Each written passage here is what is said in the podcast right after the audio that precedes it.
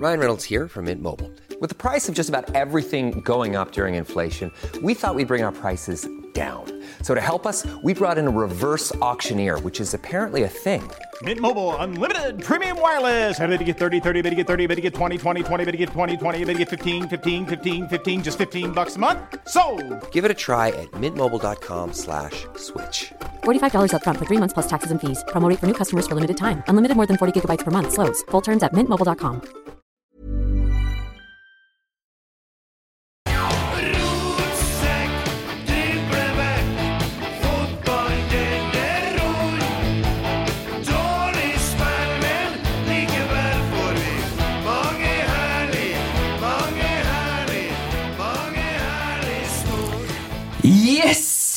Velkommen til Rotsekk.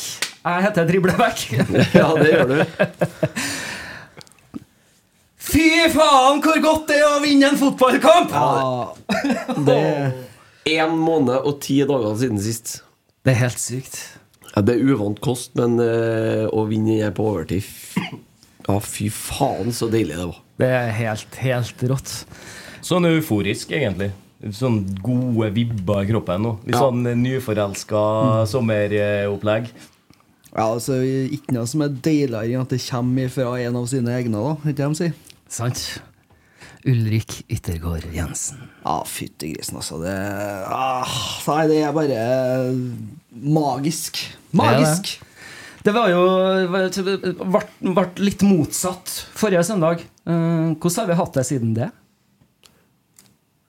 Eh, jo da. Eh, det, det, det går jo sakte, men sikkert mot ferie. Så vi blir jo litt slakkere for hver dag som går, skal jeg si. Men eh, det jeg må jo si at det, er litt tungt i hodet når, når Rosenborg bare taper og taper og taper. og taper Så eh, blir lettere, til, eller blir lettere å stå opp i morgen tidlig. Ja. Det, det er noe med det der. Jeg, Så, møtte, jeg møtte jo en Christer rett før kampen. Og da sa jeg jo til deg, Christer, at i dag har jeg en sånn spesiell følelse i kroppen. Jeg har ikke noen nerver, ingenting. Man er sånn veldig rolig og bedagelig. Dette går veien. Jeg følte meg så sikker på en sånn god måte som ikke jeg kjent på lenge. Og det viste seg jo å stemme, heldigvis. da ja, heldigvis. Jeg, jeg leverte en eh, sånn eh, altså 2-1 jeg, over eh, rekka til guttene som jeg egentlig bruker å sitte sammen med på DB-feltet, eller rotsekkfeltet. Det er grilldresskameratene som satt nedpå der, ja. ja. ja. Fy flate i dag. Sorry, Kent Aune, men i dag var du peak gubbe. Rosenborg-trøye og Adidas joggebukse på kamp. Det er klink terning seks gubbe. Ferie. Ja, det var ferie. Ja, det var helt uh, Det var nydelig. Der var den, eh, den var sterk, altså. Ja. Nei, ellers eh, siden sist så eh, har jeg fungert som sånn kjentmann og, og eh, halvveis hare for en Tommy oppe i Bymarka. Vi var ute og gikk oss en tur opp til Storøya i går. Vet du, det, å være på, altså, det å invitere en som er 30 kg lettere på, på fjelltur, det er faen meg det dummeste du gjør. Altså, det var som å altså, når, Husker dere når dere var mindre? Så var dere på sk- skitur eller på et eller annet tur sammen med faren deres. Det var å være tur, på tur sammen med Christer Nesse i går. Han gikk konsekvent tre meter framfor meg. Og så var det Bjønlabstein, det var Kvistningsvatnet, det var Furuskogsbekken Ja, altså, Det var så jævla mye rart! Ja, Du sa jo at du har ikke vært der før, så hadde du så lurt på hvor det og det var. Hvor er det fint å telte og sånn? Alt hadde jo et navn, ikke sant? Bløtmyrkjønna. sant? Men eh, hvordan var, var turen opp en nedtur og turen ned en skikkelig opptur? Ja, det var jo det. da Mye artigere å gå ned, da, selvfølgelig. Men eh, han høres jo ut da som eh, en av de fjellighetene i Tour de France. Jeg hørtes sikkert ut som en av de spurterne. Ja, men jeg vant til det sjøl. For om vinteren så eh, Eller i hvert fall i vinter som var, så gikk jeg en del på ski med en kompis, og han er sånn som er Tror du for det på mye meg, da? bedre teknikk og en del bedre form, og da er jeg vant til å ligge en sånn tre-fire meter bak. Så i går så fikk jeg liksom hevna meg sjøl litt. Ja. Hev, hevna deg sjøl. Søkke, altså. Føltes det godt, Christer? Nei, egentlig ikke, men jeg følte at jeg måtte liksom prøve å holde opp tempoet her. da Det er første gangen på lenge det har stått 'belastet' på uh, pulsklokka. Som regel når jeg trener, så står det 'overkommelig'. Ja. Belastning. Men i går sto står det 'belastet'. Nei, det var, men det var fint fin tur, da. Ja. Det dere gutter, har dere ferie, eller? Nei. Uke til, så er det tre uker i Spania. Treningsleir. Tre uker treningsleir i Spania. Det blir deilig. Det hørtes fristende ut. Det er mye god trening og løfte øl. Luftull. Det blir mineralvann og jogging hver dag. Ja, ja, ja. ja, Mm. Det blir mye motbakker, tror jeg. Ja, ja. Skal på ferie på La Manga, si. Ja. Ja. Tre uker. Mye motbakker der. Pas, pasta og sånn til alle måltid, og motbakkeløp. Et par kyllingsalater bare for å just, Jeg er litt redd for kyllingen i Spania, så jeg holder meg til pastaen. Fikk melding fra han Eide Eriksen òg. 'Tatt plassen min nå, ja?' Prikk, prikk, prikk. prikk, prikk, prikk, prikk. Skal jeg bare tilbake. 'Endelig en pen en på plassen din', ja. Ja, ikke den, den valgte han å ikke svare på. Enn du, Arne? Har du ferie? Nei, jeg har da ikke det. vet. Jeg har hatt uh, ei halv uke så langt. Og så vet jeg ikke helt når jeg skal ha resten av ferien min. Jeg vet ikke hvor jeg skal fære. Ingenting. jeg. Nei. Det vet jeg. Men eh, ferie, det skal jeg ha. Og ikke ferie sør, sør i Europa, i hvert fall, for der er det For der er en Alexander Larsen. Ja, der er det ifølge VG livsfarlig å bevege seg nå. ja, det er jo hele 27 grader enkelte steder. Ja. jeg så dekkene smelta opp på asfalten. det, det er godt gjort når det trengs 500 grader for å få det til. Det, det, ja, ja. Jeg kjører Formel 1 nede i Saudi-Arabia og sånt, men, eh, men eh, tvert eh, bikker 30 grader nede på Costa del Sol der, da sitter bildekkene fast, ja. Altså, dere, dere, altså, VG, vet du Jeg trodde, trodde det var faktisk en avis som hadde litt sånn stolthet i måten Men de er gjort i et klikkhoreblad. Det, det VG, Dagbladet, Se og Hør nå, det er liksom samme nivået. Det er helt det er merkelig å lese. Men jeg husker jeg var seks år. Da var vi i Tyrkia, i Kemer. Da var det òg 45 grader i skyggen. Og ingen som skrev en jævla avisartikkel den gangen. Merkelig hvor mye mer alvorlig ting er i dag. Ja. Det er klima, vet du, gutter. Det er agurktid i nyhetsbildet, folkens. Ja, Så de eh, klamrer seg til de stråene de kan finne. Skal vi snakke litt om matchen i dag, eller? Jeg ja. må si at jeg var litt nervøs på forhånd i dag, altså. Men, men så kjente jeg litt på den gode følelsen som du beskriver, Alex. Eh, Men, eh, men det er vanskelig å ikke ha litt sommerfugler i magen og ikke være litt nervøs foran Rosenborg-kampene nå til dags. Men jeg syns jeg ser noe, et, et tegning av eh, en plan. De klarer å gjøre ting uh, opptil flere ganger i samme system. Eh, jeg vet ikke hva dere tenker. Ja, det skjer mer og mer av det. Jeg syns fortsatt at vi er langt unna det vi bør forvente. Og så ser du at eh, det er en ganske annerledes måte vi ønsker å framstå på nå enn det vi har drevet med tidligere. Og det tar tid, spesielt for indreløperne og for stopperne. Og, omstille, men det kommer vi litt mer tilbake til når vi skal, skal gå gjennom matchen. Men det er, en, det er en del sånne nøkkelpunkt hvor du ser at vi er nødt til å gjøre steg, og ganske kjapt òg. Det, det jeg på en måte beit meg merke til, var det at når vi var ferdig med de første fem-seks minuttene der vi slo unna ball litt sånn unødvendig og virka å ha litt sånn eh, Jeg skjønner jo at guttene har litt høye skuldre. De har tapt tre på rad, eh, nesten ikke vunnet på Lerkendal. Eh, det er murring, det er mye støy. Eh, og så jobber de jo jevnt og trutt da, på treningsfeltet, tydeligvis, med å Og når eh, når, spesielt når Skarsheim og, og Nypan fant litt mer plassen sin, og, og, de eh, begynte å treffe på pasningene, da syns jeg Rosenborg så eh, Det så spennende ut. Ikke perfekt, men spennende. Det er noe på gang. Så ja. Ja. Art, artig å se hvor den her eh, går hen. Helt enig. Jeg syns jo Rosenborg er bra første 25, kanskje. Og så tar jo Tromsø litt over inn mot eh, Eller egentlig fram til 1-0. Ja, for, si, et lite timinutt altså tolv minutter. Ja, ja Det er ti kvarter der, de er- der vi blir veldig sånn Det sliter vi jo med i perioder. Det er jo greit at vi forsvarer oss innimellom, men vi blir altfor lave i altfor lange perioder fortsatt. da Så i andre omgangen også Første ti minuttene andre omgangen er veldig bra. Og så derifra og fram til Tromsø blir ti mann, så blir vi fryktelig lave altså, og har lite ball. Da står de og triller sånn som de vil, egentlig. Og så blir vi litt skadelidende av at fireren er veldig redd for bakrommet sitt, så de rygger, mens Santeri og løperne vil stå etter. ikke sant? Sånn Erlien som bare jager åttetall. Han får jo masse plasser. Han ser ut som verdens beste fotballspiller tidvis, for han, han har mye ball, og han skaper ganske mye sånn potensielle farligheter ved at vi blir verken fugl eller fisk. da Fireren rygger. Vi støter ut med Santeri og løperne, og så blir det masse mellomrom. Og det, det klarer vi ikke å tette. Sjøl når vi ligger lavt i andre omgang, nå, så ser du at det er veldig mye rom mellom midtbane og, og fireren. Og Ja. det, det er vi nødt til å gjøre noe med. Og det skjedde et, på et helt klart vendepunkt etter ca. 55. Mm. Når eh, første gangen vi sprekker opp litt imellom der, sånn, så får Tromsø spilt seg til han Mai Traoré møter, legger igjen og stikker bak en Mm. Ulrik. Og etter det så ble det en sånn baki her. Og da begynner den der trekkspilleffekten der. Men samtidig så er det lenge siden jeg har sett Rosenborg-forsvaret såpass bra som det var i dag, altså. Ja, det, ja, ja, enig i det. Sånn totalt sett, ja. For det Sjøl om vi Altså, det, ja, det var nå den sjansen, da, men ellers så Jeg satt aldri med panikk. Enig. Og så er det sånn pissmål imot, selvfølgelig, da, Ja, men, men jeg satt aldri med panikk. Det var bare unødvendig, for da, der har vi egentlig kontroll. Og der er altså, Jeg er ikke noen sånn uh, keeperekspert, og sånn, men det er så mye snø på den mål der. Mm. Det er hav av snø.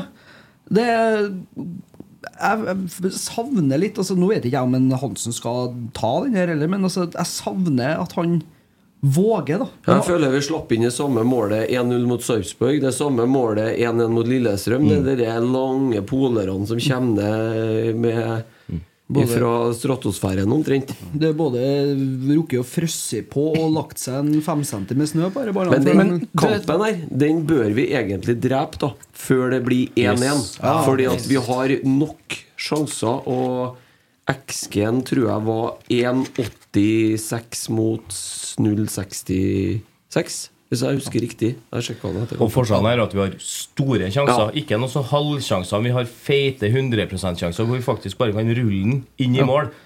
Og så den Jeg er litt usikker da på om Hansen skal ut, der, for den er såpass langt bak. Ja, det er det jeg sier, og, og, Leo må rygge mye tidligere, for han, han blir så usikker på om han skal rygge eller stå. eller ganske Så han, han klarer ikke å komme opp. Tromsø-spilleren hopper mye tidligere. Umulig. Hvis du ikke er opp først på den der, så vinner du duellen. Og så er vi tre Rosenborg-spillere i boks da som ikke evner å få den ballen vekk. Så vi, vi har ikke den punchen i begge 16-meterne ennå. Den savner jeg litt. At vi er enda tøffere i begge 16-meterne. Men det, det er faktisk eh, Jeg jeg er ikke nødvendigvis bestandig så redd i, i når, når lag spiller ball rundt oss. For da syns jeg faktisk Forsvaret tidvis er god til å rydde unna. Men dødball Altså, den markeringa der, altså den sonemarkeringa og eh, alt det der Jeg syns vi er altfor defensive. Eh, Jeg savner at vi har noen som bare bjeffer unna den ballen der, altså. Så har vi en del små spillere. da Du har Ja. Santri, du har Leo, du har Adrian, du har eh, Leo. eh, Ja, Ja, og så har du Nypan, Skarsheim, Holse. eh, Holse. Vi, vi har jo ikke noe mye som Volds... Og Nelson er jo ikke noe hodespiller. Nei, vi, vi har jo ikke mye kjøttspillere sånn sett til å ta den krigen heller. Nei, da får han heller egentlig Da tenker jeg sånn Da må han kanskje heller bare akseptere at han kan få noen i sekken og på dødball, og heller uh, ha tempo i For i dag syns jeg faktisk jeg evner å spille ball mye mer. Ja. Stort skritt i riktig retning i dag, altså. Målet til Ole, det er sånn eh, Harald Martin Brattbakk-skaring. Ja, oven av en eh, Eller oven en eh, Hvem er det som vinner ballen? Er det Skarsheim som vinner den på midtbanen? Eller er det Sverre? Sæter Sæter vinner. den han sjøl. Han vinner. Sæter vinner han sjøl, og så legger han ut, og så får han tilbake i, Ja, men, foran um, kassen. Ja, Nei, da, Sæter da husker jeg feil. Jeg mente han ble spilt opp i sentralt, men han vinner den sjøl og drar opp sentralt i ballen, slipper ut og kommer seg inn igjen. Klasse Klassa Kalo. Ja, det- Utsida og bøyen rundt Det er der. Det er ja, helt Det er rått. fløte, ass. Dere er en Kalo helt outstanding på, faktisk. Ja. Så, men eh, det var utrolig mye muligheter på å egentlig kunne skåre flere mål på den måten i første omgang. For eh, både i etablert og i når vi vinner ballen. Så hvis jeg er litt mer presis der, eller litt mer når vi, får, når vi fikk vendt spillet, spesielt mot venstre første gangen.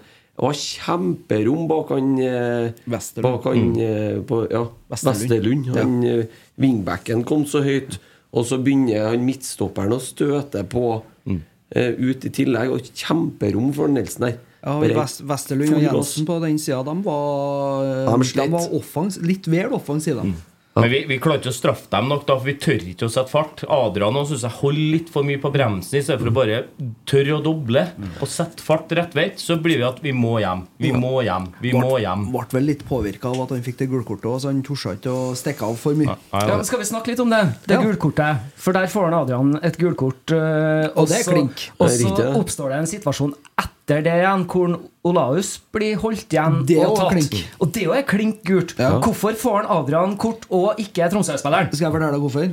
For at Adrian heter Adrian Pereira? Nei, fordi at Mohammed Aslam er Norges dårligste kampleder. Så enkelt, ja. Ferdig meldt. Ja, ferdig. Ja, det, og det handler ikke bare om uh, Fordi at når du er dommer, da For det første så handler det jo om uh, oppførsel. Eh, han utstråler arroganse. Han utstråler 'jeg er sjefen, jeg er best, jeg, er, jeg har fløyta', her er det jeg som bestemmer. Men på en negativ måte. Når du ser Eskil Eskås, han utstråler autoritet, ikke arroganse. Og det er en vesentlig forskjell. Og så er det klink like situasjoner som blir bedømt forskjellig. Det skaper frustrasjon. Eh, når du har to da helt like gulkortsituasjoner For eh, Adrian får et helt riktig gulkort.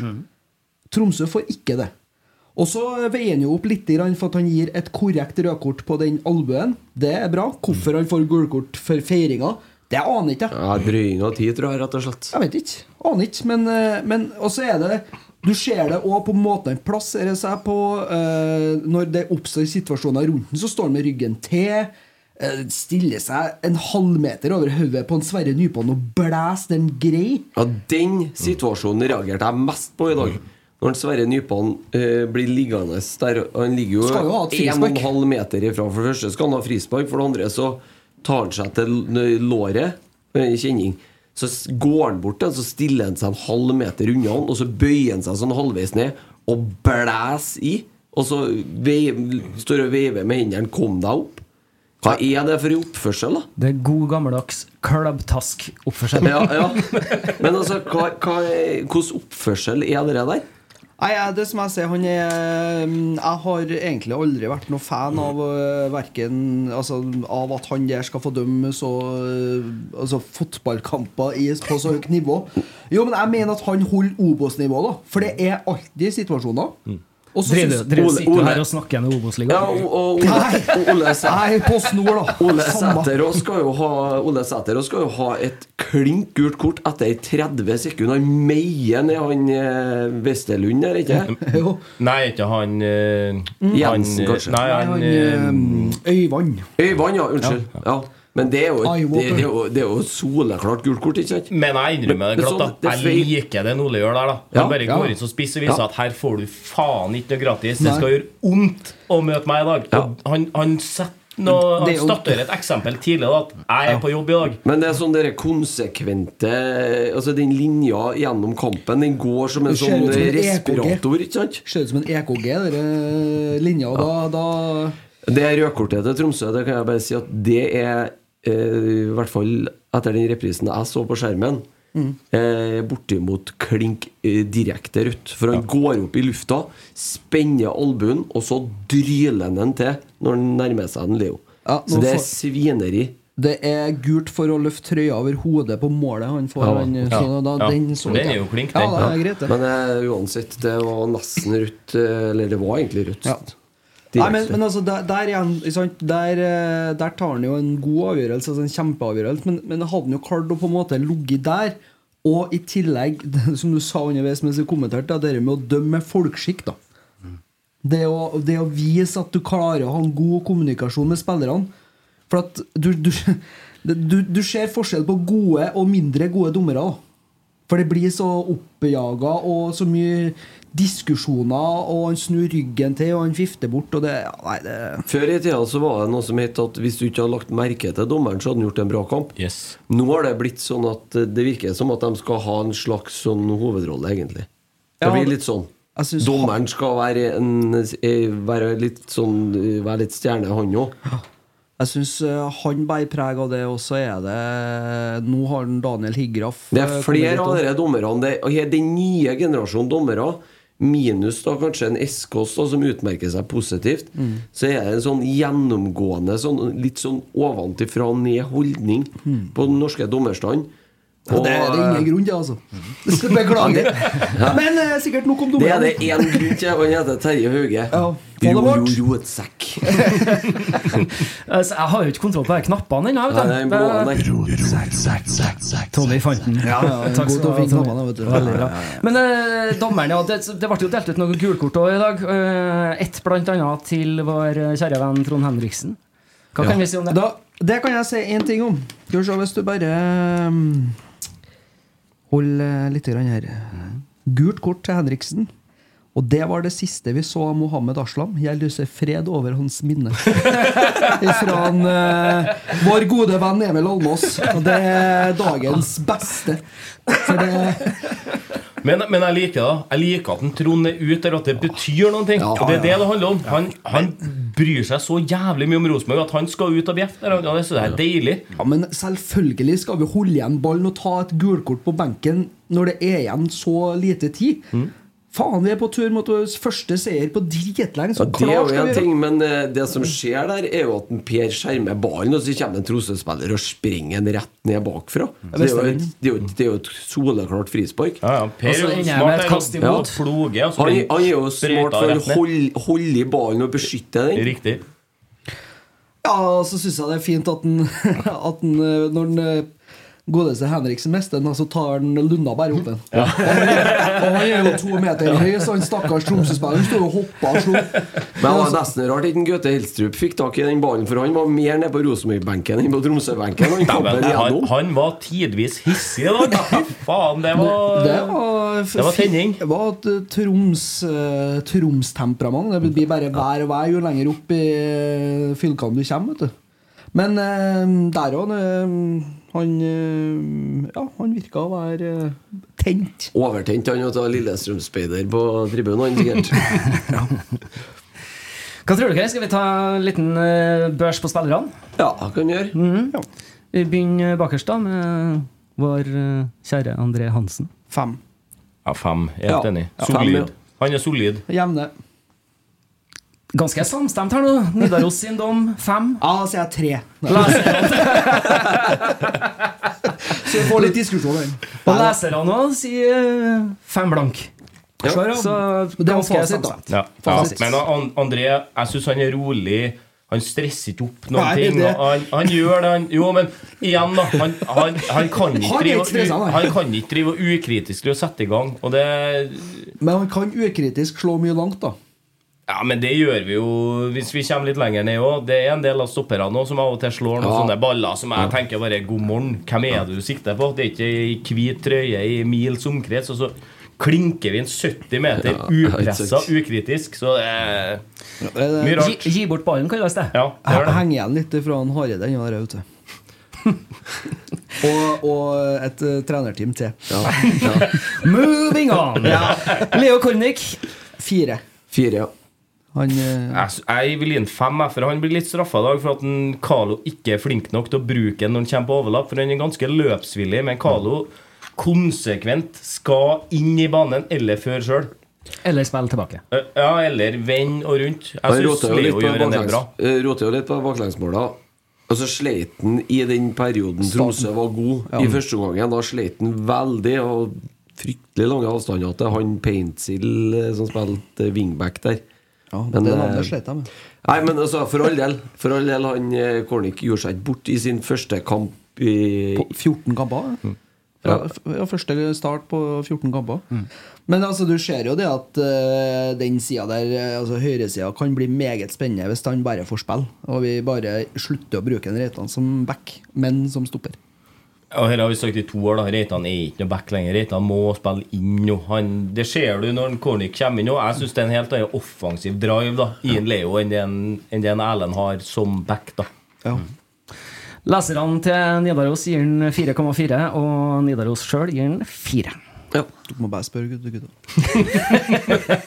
I all beskjedenhet. Ja. selvfølgelig. Yes. Ja. Eh, nevnte Erlend Nå sitter jo du og kikker på skjermen, da, så det er jo ikke så rart at du tipper rett. liksom Skal vi se når har han tatt unna PC-en, skal vi se på neste om du treffer, da. Nevnte Erlend Dahl Reitan. Ti. Seks. Fem. Fem det. Seks, ja, på den. Fem. Ja, Trønderpoeng òg, vet du. Ja. det er seks, det. Ja, seks. Ja, nei, da fikk du feil når du ikke så skjermen. Jeg et litt trekk til meg, for jeg syns det sklir litt, og jeg lar ballen sprette noen ganger i stedet for å ta den. Så havner den litt på etterskudd pga. at den ikke bare er bestemt. Og så lar han ballen sprette, og så kommer spissen i duell med den. Så skaper han seg litt trøbbel av og til.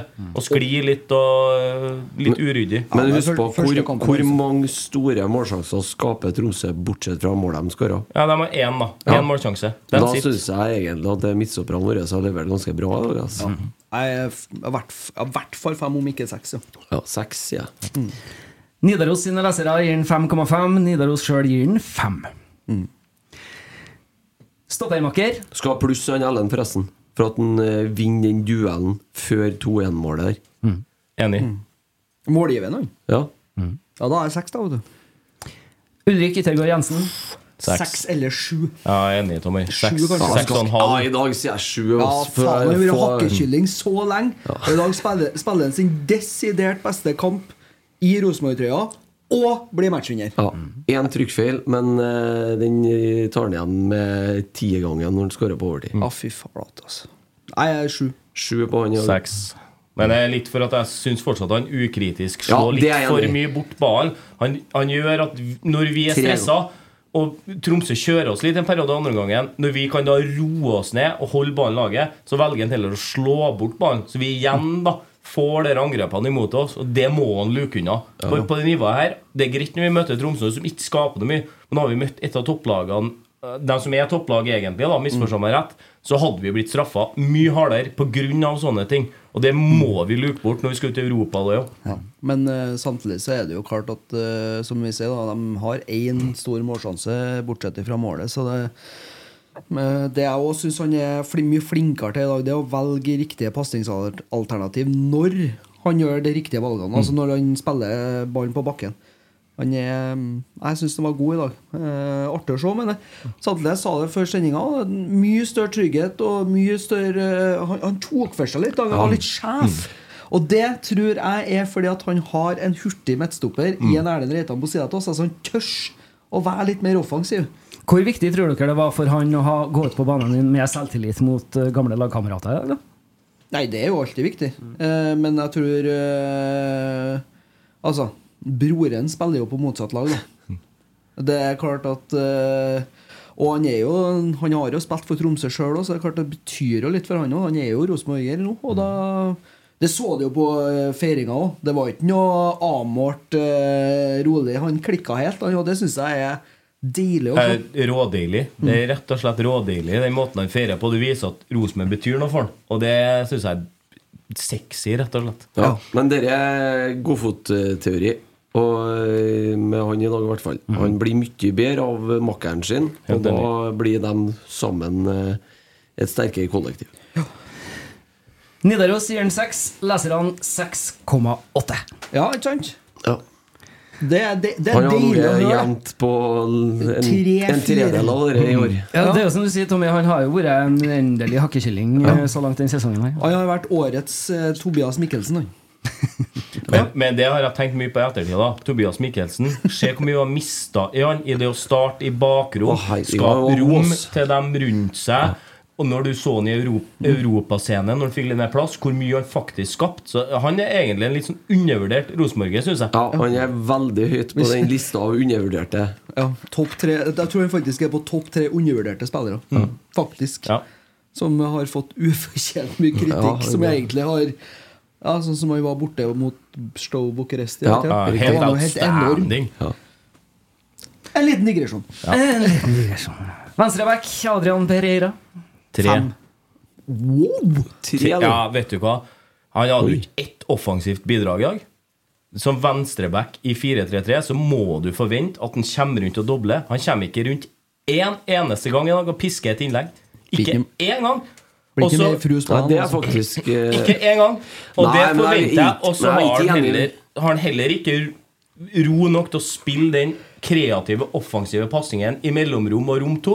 Han er konsekvent nesten hver eneste gang han har ball. Så ruller han den tilbake til en Ulrik, og så starter han ut eller klinker over. Jeg forventer av venstreback i Rosenborg så mye plass som de hadde på sida der, at han mye oftere starter. Han loffer, ser uinspirert uengasjert ut. Jeg forventer mye mer. Så jeg er kanskje streng, men som venstreback i Rosenborg så forventer jeg mer. Ja, Jeg gjør det. Ja, men så vil jeg også samtidig si at uh, den, litt av den årsaken til at han kanskje ikke stormer framover, heter også Jaden Nelson. Da, for Helt de var enig. fryktelig dårlige til å bruke hverandre òg. For det var sånn når én hadde ball, og det kom et overlapp, enten av en Jaden eller Adrian, Mm. så gikk de konsekvent inn. Ja, ja men, men det, det er jo, synes jeg, er et trekk, da, fordi ja. samspillet der fungerte ikke i det hele tatt. Nei, ennå. Og det er jo en Jaden som har vært borte nå i eh, Golden Cup, og eh, Adrian som for første gang på 100 år spiller klink venstreback. Så jeg tenker det at eh, får de dere samspillet til å sitte på den sida der Du verden for et arsenal de får på den sida. Potensialet er skyhøyt. Ja, Men, men jeg syns ikke han fortjener noe mer. Det er min personlige mening. Jeg har kjempetroa på Pereira med riktig skolering og gjøre riktige valg og få en Jaden som Han gir veldig mye, men han tar veldig Ja, mye òg. ja. Så det, det er krevende å være back, men jeg forventer fortsatt at han vil komme da og vil doble. Vil, synes- vil i 4-3-3, så avhengig av det. Syns Pereira leverer en OK første omgang. Da syns jeg jo han er med, men andre gangen forsvinner han jo totalt. Nå ser han jo ikke, han kommer ikke på ett løp. Nei. Jeg er vel en der også som eh, som sagt blir litt sånn avmålt. Altså, han er, jeg tror han blir litt defensiv oppi hodet pga. gulkortet. også. Han tør ikke å stikke av. Jeg tror ikke du er helt uh, feil der, Tom. Jeg er enig i det. Men Jeg sier fire. fire. Fire på Pereira. Ja, fire da, greit. Ja. Møtes på midten. Ja. Nidaros gir den en firer. Leserne gir den 4,7. Faen, skal ha sagt fem, da. Sentral midtbane. Santer i Venenen. Sju. Seks. Seks. Han er bra i dag. Kjempegod. Ja, fytti grisen. Beste kampen så langt. Det, nå begynner vi å få se hva som bor i den eh, Jeg skjønner hvorfor de kaller den Terminator. For dæven. For en eh, vilje han har til å vinne ballen. Han gir seg ikke før han vinner den ballen. Det liker jeg. Fortsatt litt plasseringsutfordringer, men han eh, Men springer det, mye. se det rommet han dekker. Altså alt ifra venstre på kanten altså, til inn sentralt. Og han Veldig flink til å plassere seg i forhold til å plukke opp den ball Ja, nummer blitt, to. blitt veldig mye flinkere til akkurat det der. For ja. Til å begynne med, når han kom, så var han litt for langt unna, så han kom inn på etterskudd. Og så nå er han på plass når ballen kommer. Han, har- han har blitt flinkere til å vinne ball, ikke bare bryte ball. Ja, Men, men enda så sliter han litt når de dropper, da, sånn som Erlien, som er veldig flink å finne mellomrom. Så har han ennå ikke klart å skjønne hvor han skal plassere seg. Han blir litt sånn verken fugl eller fisk og driver og vaser litt imellom. Og når han klarer å sette den der å skjære av den offensive spilleren til motstander, da blir han outstanding. For han eh, viser veldig mye bra, syns jeg. Veldig, veldig mye bra. Ja, Kan bruke et sånt eh, gammelt Rosenborg-uttrykk på han. Harahund. Harahund, ja. ja, det er Ja, han. ja. Men han gikk ut med det som så ut til å være i hvert fall noen krampetendenser på baksida av låret. Det kan jeg forstå. Men han gikk jo av uh, for egen maskin, så det så ikke ut som det var en strekk. Det så Nei, ut for som da en hadde, da hadde ikke han fått komme utpå igjen. Nei. Han ble jo sjekka. Ja. Så Ja, det altså- altså, når lukter vel krampe. Han eh, to- hadde jo to-tre spurter etter at han uh, satte seg ned. Så hvis det, han spurta sånn som dere med strekk, da er han det jo gal. går, det går ikke. For det går jo an. Hvilken karakter ha- havna vi på? Seks. Jeg sa sju, da. Jeg jeg syns han var så jækla god. Men uh, samme det. Litt sprik mellom eh, redaksjonen og leserne eh, til Nidaros. De eh, i Nidaros gir den en femmer, og leserne gir den 6,3. Jo, men det var en alkoholservering oppå. altså, det er ikke enkelt, det, vet du. Ei, ei, ei. Ikke sikkert Nå har jeg jo ikke sjekka hvem det er som har skrevet det her, og det er Christian Aras Shuani. Ja, det er han som var i forrige gang òg, det. Det var Operasjon Dagsverk jeg hørte gjennom. Olaus Skarsheim. Oh, fire, kanskje? Fire og fire. Enig. Ja. Vil mye, får til litt lite. Jeg, jeg må si jeg er litt Litt skuffa over, den, over de fire kampene du har sett nå, etter vi har lagt om system. For det her er drømmerollen til en eh, Olaus Skarsheim, høyre indreløper i Rosenborg. Den rollen kan han ut og inn, egentlig. Er litt skuffa over beveget. Jeg syns han står for mye i ro da når vi har ballen. Ja, så syns jeg han gjør løpet altfor tidlig. Så Ja. når han kan spilles opp, så har han gått så høyt at han er nesten på linje med Ole og Ving at det er ikke noe plass å spille den i. Så han blir ofte feilvendt, møtende igjen, og så må vi vri litt Der syns jeg han Bjørlo, da, for at han, når han kom inn tidvis mye bedre til å holde igjen det lille sekundet eller to for å konsekvent ha et rom å starte i. Mens det rommet er brukt opp ofte til Nolaus, da, for han har jo fart, han har god teknikk, han er god til å føre ball, men han får aldri plass til å føre ballen i, for han går for tidlig i det rommet han, han må avvente mer. da Ja, For du ser jo så fort han gjør akkurat det du sier der, da han eh, slår. Går, Nå eh, kommer sommeren òg. Ja, nå blir det 200 grader i der. Eh, nei, du ser jo det når han, fort, når han tar med seg ballen i det rommet og setter fart, så er han jo Det er jo da han er best. Ja. Så mm, mer av det og litt mindre av eh, Men jeg, jeg tror det er en spiller som er litt sånn uh, prega av at han vil mye der. Altså. Enig. Veldig enig. Du Han er- ser at han vil mye, men Ja. han, han klarer ikke enda å finne rollen sin. Og Dere må bare få tid, den også. Tror jeg han kommer til å passe som Ja. hånd i hanske i den formasjonen. God i nærspillet, ikke så god på å dekke rom, spesielt i, i, den, i, de, i to periodene Tromsø er god. Da sliter han med mye bevegelse bak seg. Sånn. Men det ser ut som at han får beskjed om at han skal være med opp da sammen med de tre på topp Ja. i presspillet, og så klarer ikke vi å stå etter, som vi snakka om med fireren. Da blir det så mye plass at vi, klar, vi klarer ikke å skyve nok. Og Da blir vi liksom hengende etter hele tida. Jeg lurer litt på det der når vi skal stå For jeg ser jo den Carlo ofte som gir tegn til at nå skal vi stå høyt. Men da er det Det er noen ganger vi klarer å stå ordentlig høyt, og da vinner vi ballen.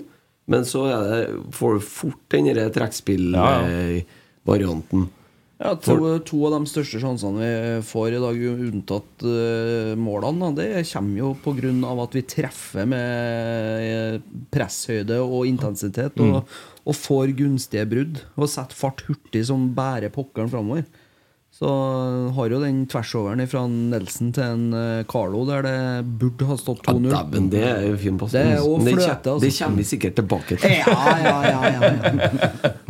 Hvem var det som Vi er inne på fire. Ja. Ja. Nidaros gir den fem, og leserne gir den 5,4. Ja, vi er negative til idioter. kan ikke det. Vi. Har kommet til Sverre Nypan, og hvis jeg skal få lov til å være ærlig i dag, så skal jeg si at jeg syns at han var banens beste rosenborger i dag. Ja, Der er jeg uenig. Ja, men jeg syns han er solid. Han er, han er- god, ja. Ja, er jeg han. synes han er solid. Og han, han vil så mye. Og han, faen, første 20 minuttene så er det jo han som står for det meste av trykk og innsats og tæl. Og vil, han vil jo ha ball! Første 20 minuttene satt jeg nesten litt sånn frustrert der. Vis dere! Vil ha ball! Det er én mann som gjør det, og han er 17 år. Det, det må de andre faen meg frem med kassa. Altså. Vil ha ball.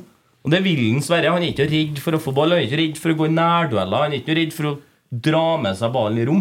Fryktelig god på det med å, når han har spillere tett på seg, og komme ut av det med ball i Yep. fotene fortsatt. Altså. Det, det er ganske unikt å se for en så ung spiller. så blir han litt skadelidende av at Adrian aldri prøver å trene opp i mellomrommet, og at Jaden ikke klarer å strekke, men hele tida søker imot, og aldri lager noe rom for han Sverre. Altså, så Jaden, du får masse, han tar masse, og han er nødt til å strekke. Hvis vi skal klare å få til en indreløpbevegelse, så må Ving strekke. Ja. Tenk deg når Jaden klarer å skjønne det med å starte i bakrom. Herregud, det er mange eh, backer i norsk fotball som kommer til å ende opp med strekk. Så spørsmålet er klare. Vi hadde en Daniel Bråten, vi har hatt masse typer som når han skjønner det, så gjør de aldri det. Det er det jeg håper, da, at han klarer å knekke koden. At vi klarer å få han til å skjønne at han må bruke styrkene sine. Se i første gangen da Han har 100 meter å sprenge på. Han kan, han kan bare kakke han 40 meter å sprenge. I stedet så velger han å stoppe opp og vente til bekken kommer, og så begynner å utfordre han. Ja. Hva skjer da? Får de tetta han, så skapes det ingenting. Han vender inn i banen. Det skjer ingenting. Nei, og det Sett har spesielt en i første gangen der, når eh, han blir spilt opp av en Det tror jeg er av en eh, Er det av en Adrian, tru?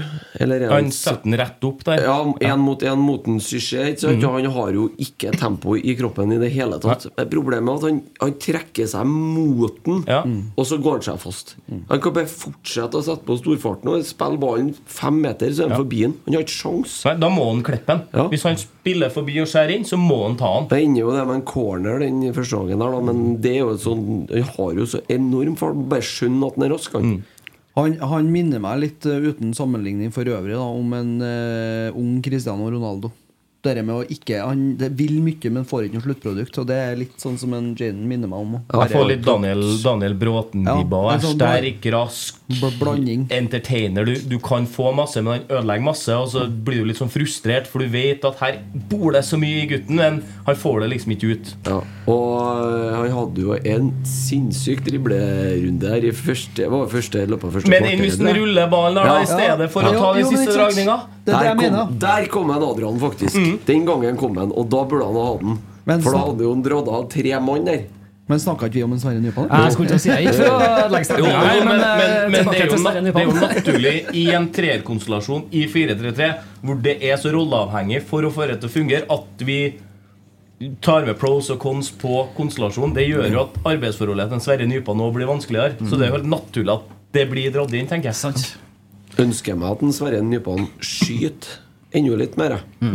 Jeg ønsker begge innrollerne til å skyte, dem, for det er flere ganger de er på 20-25, og det er lov å rappe til. Ja. ja, ja, ja. Du må bare ha trua. Hva landa dere på? Seks. Ja, seks. Seks. Fem og en halv. Fem og en halv. Komma sju. Delt på to. Nidaros gir den en firer, og leserne gir den 4,6. Ja. Jeg gir den eh, BB. Du gir den BB, ja. Carlo Holse. Fem. Nei, seks. Fem. Jeg er enig med deg, Tommy. Ja, det, han har Jeg syns nesten femmeren er litt snill. For han går seg litt bort. Han, konse- jo, nei, men, men han- konsekvent går inn. Han bruker ikke lag Han er ikke noen lagspiller. Han bruker ikke Leo en eneste gang. Han kommer ganske mange ganger rundt. Og han konsekvent velger å føre ball, føre ball, føre ball, i stedet for å slippe på overlapp. Og han har òg samme eh, litt den diagnosen som en Nelson har på motsatt side. Han dropper så lavt at vi får ikke noe strekk i det. Nei. Altså Hadde han eh, holdt posisjonen, så hadde jo, eh, hadde jo Tromsø måttet ha ligget mye Altså.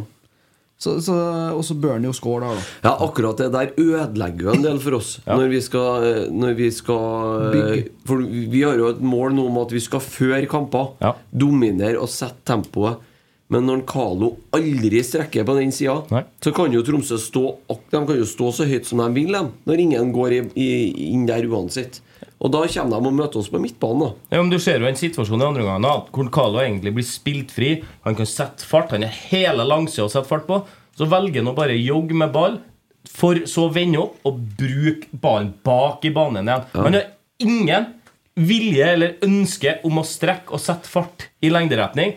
Da får du trekk av meg. Som kant i Rosenborg, du er helt avhengig av å ha noen strekkspillere. Se når Ole da, i første gangen blir spilt gjennom, tar med seg ballen 20 meter. Hvem skal han spille? Ingen! For en mm. gidder ikke å ta det løpet for å hjelpe en Ole. Ole til å strekke gjennom. Nei, det det Så ja, kanskje jeg er streng, men jeg, jeg ser en del ting som jeg syns Carlo må slutte med. For Han virker så uinspirert i en del situasjoner, og det sprer jævlig dårlig energi. Spørsmålet er om han bør øh, flytte seg tak ned. Han, Men det mener jeg er klink. da du, Han vil jo ikke spille wing. Det er jo ikke spørsmål, egentlig. Han må jo flytte seg tak ned. Nesten så tror han demonstrerer Ja, med å ja. bevisst ikke ønske å gjøre det. spesielt i første gangen. Yes. Så det fungerer som en tredje indreløper. Ja. Ja, nei, så det, det er det jeg mener. Han, eh, han blir litt skadelidende over at han ikke blir brukt der han har mest godfot. Ja, hadde, hadde vært bedre, da. Og så flytta han Kalo ned.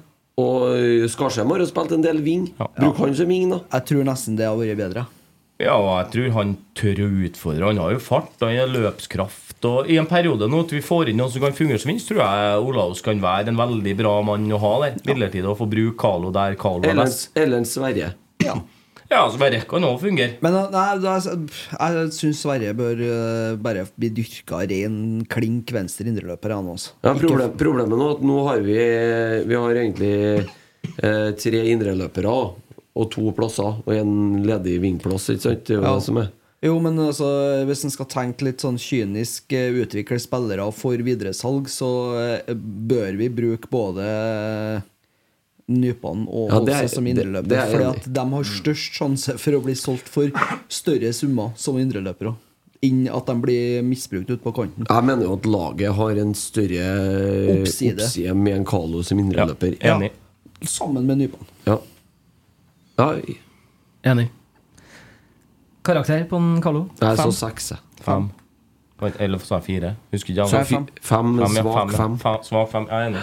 Nidaros gir den en eh, femmer, og leserne gir den 5,8. Ann Larsen skjønner vet du.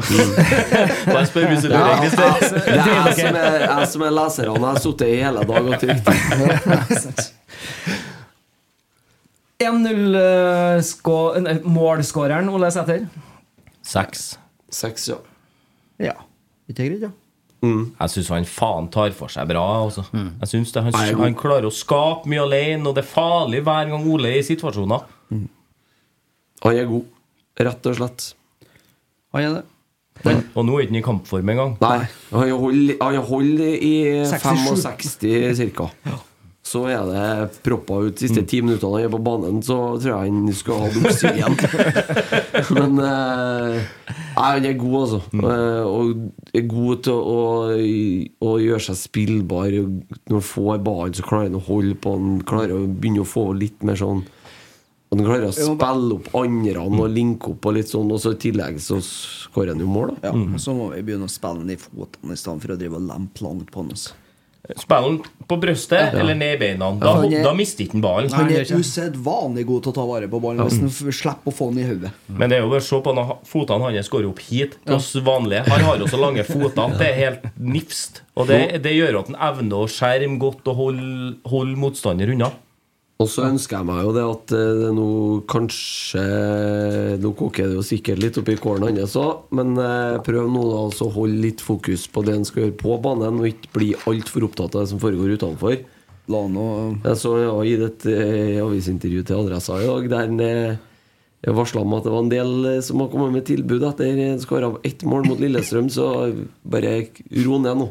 Det er bestemt og vedtatt at han blir her ut året, og så får han eh, ta dere der Jeg eh, har sagt helt siden han uh, takka nei før sesongen. Du konsentrerer deg, spill fotball, gjøre det beste. Og så Enten så blir du, eller så drar du. og så- men bruk nå dette året nå på å gjøre det beste du kan. Men Rosenborg kommer jo aldri til å slippe en Ole Sæter i sommer nå. Nei, Nei, så. Det er galskap Ja. å slippe en Ole Sæter i sommer nå. Ja, Det går ikke an. Nei, du du ikke kommer an. ikke til å sitte igjen med noe uansett. Så det, Han er Rosenborg-spiller fram til jul, Mm. og så drar han mest sannsynlig videre. Men, eh, men det eh, vært kult om han kunne ha fått avslutta med en bra høst, da. Og nå er han jo på gang. Jeg håper han skårer såpass mye mål. da, Og hvis han da for ikke vil skrive under for Rosenborg, at han skårer så mye mål at han forsvinner ut av landet. Ja, det håper For hvis han seriøst mener at han skal gå til Vålerenga, Tror ikke han gjør. da, Har ikke jeg noe trua på at han gjør. da skriker jeg litt. jeg. Helt ærlig så tror jeg han gjør det litt for å pushe Rosenborg og for å Ja. fremme sin egen sak, og litt hvordan han sjøl føler han er blitt behandla. Jeg, sånn jeg her. tipper at Ole innerst inn ønsker seg en lengre kontrakt i Trondheim. Det tror jeg òg. Og jeg, jeg tror hvis vi bygger litt rundt Ole som spiss, så kan han skåre mye mål Ja. framover i Rosenborg. Han er jo øh, Han er jo en målskårer. Virkelig. Nå har han jo skåra to på to starter. Så Han er fort den beste 4-3-3-spissen vi har hatt siden vi hadde en danske der.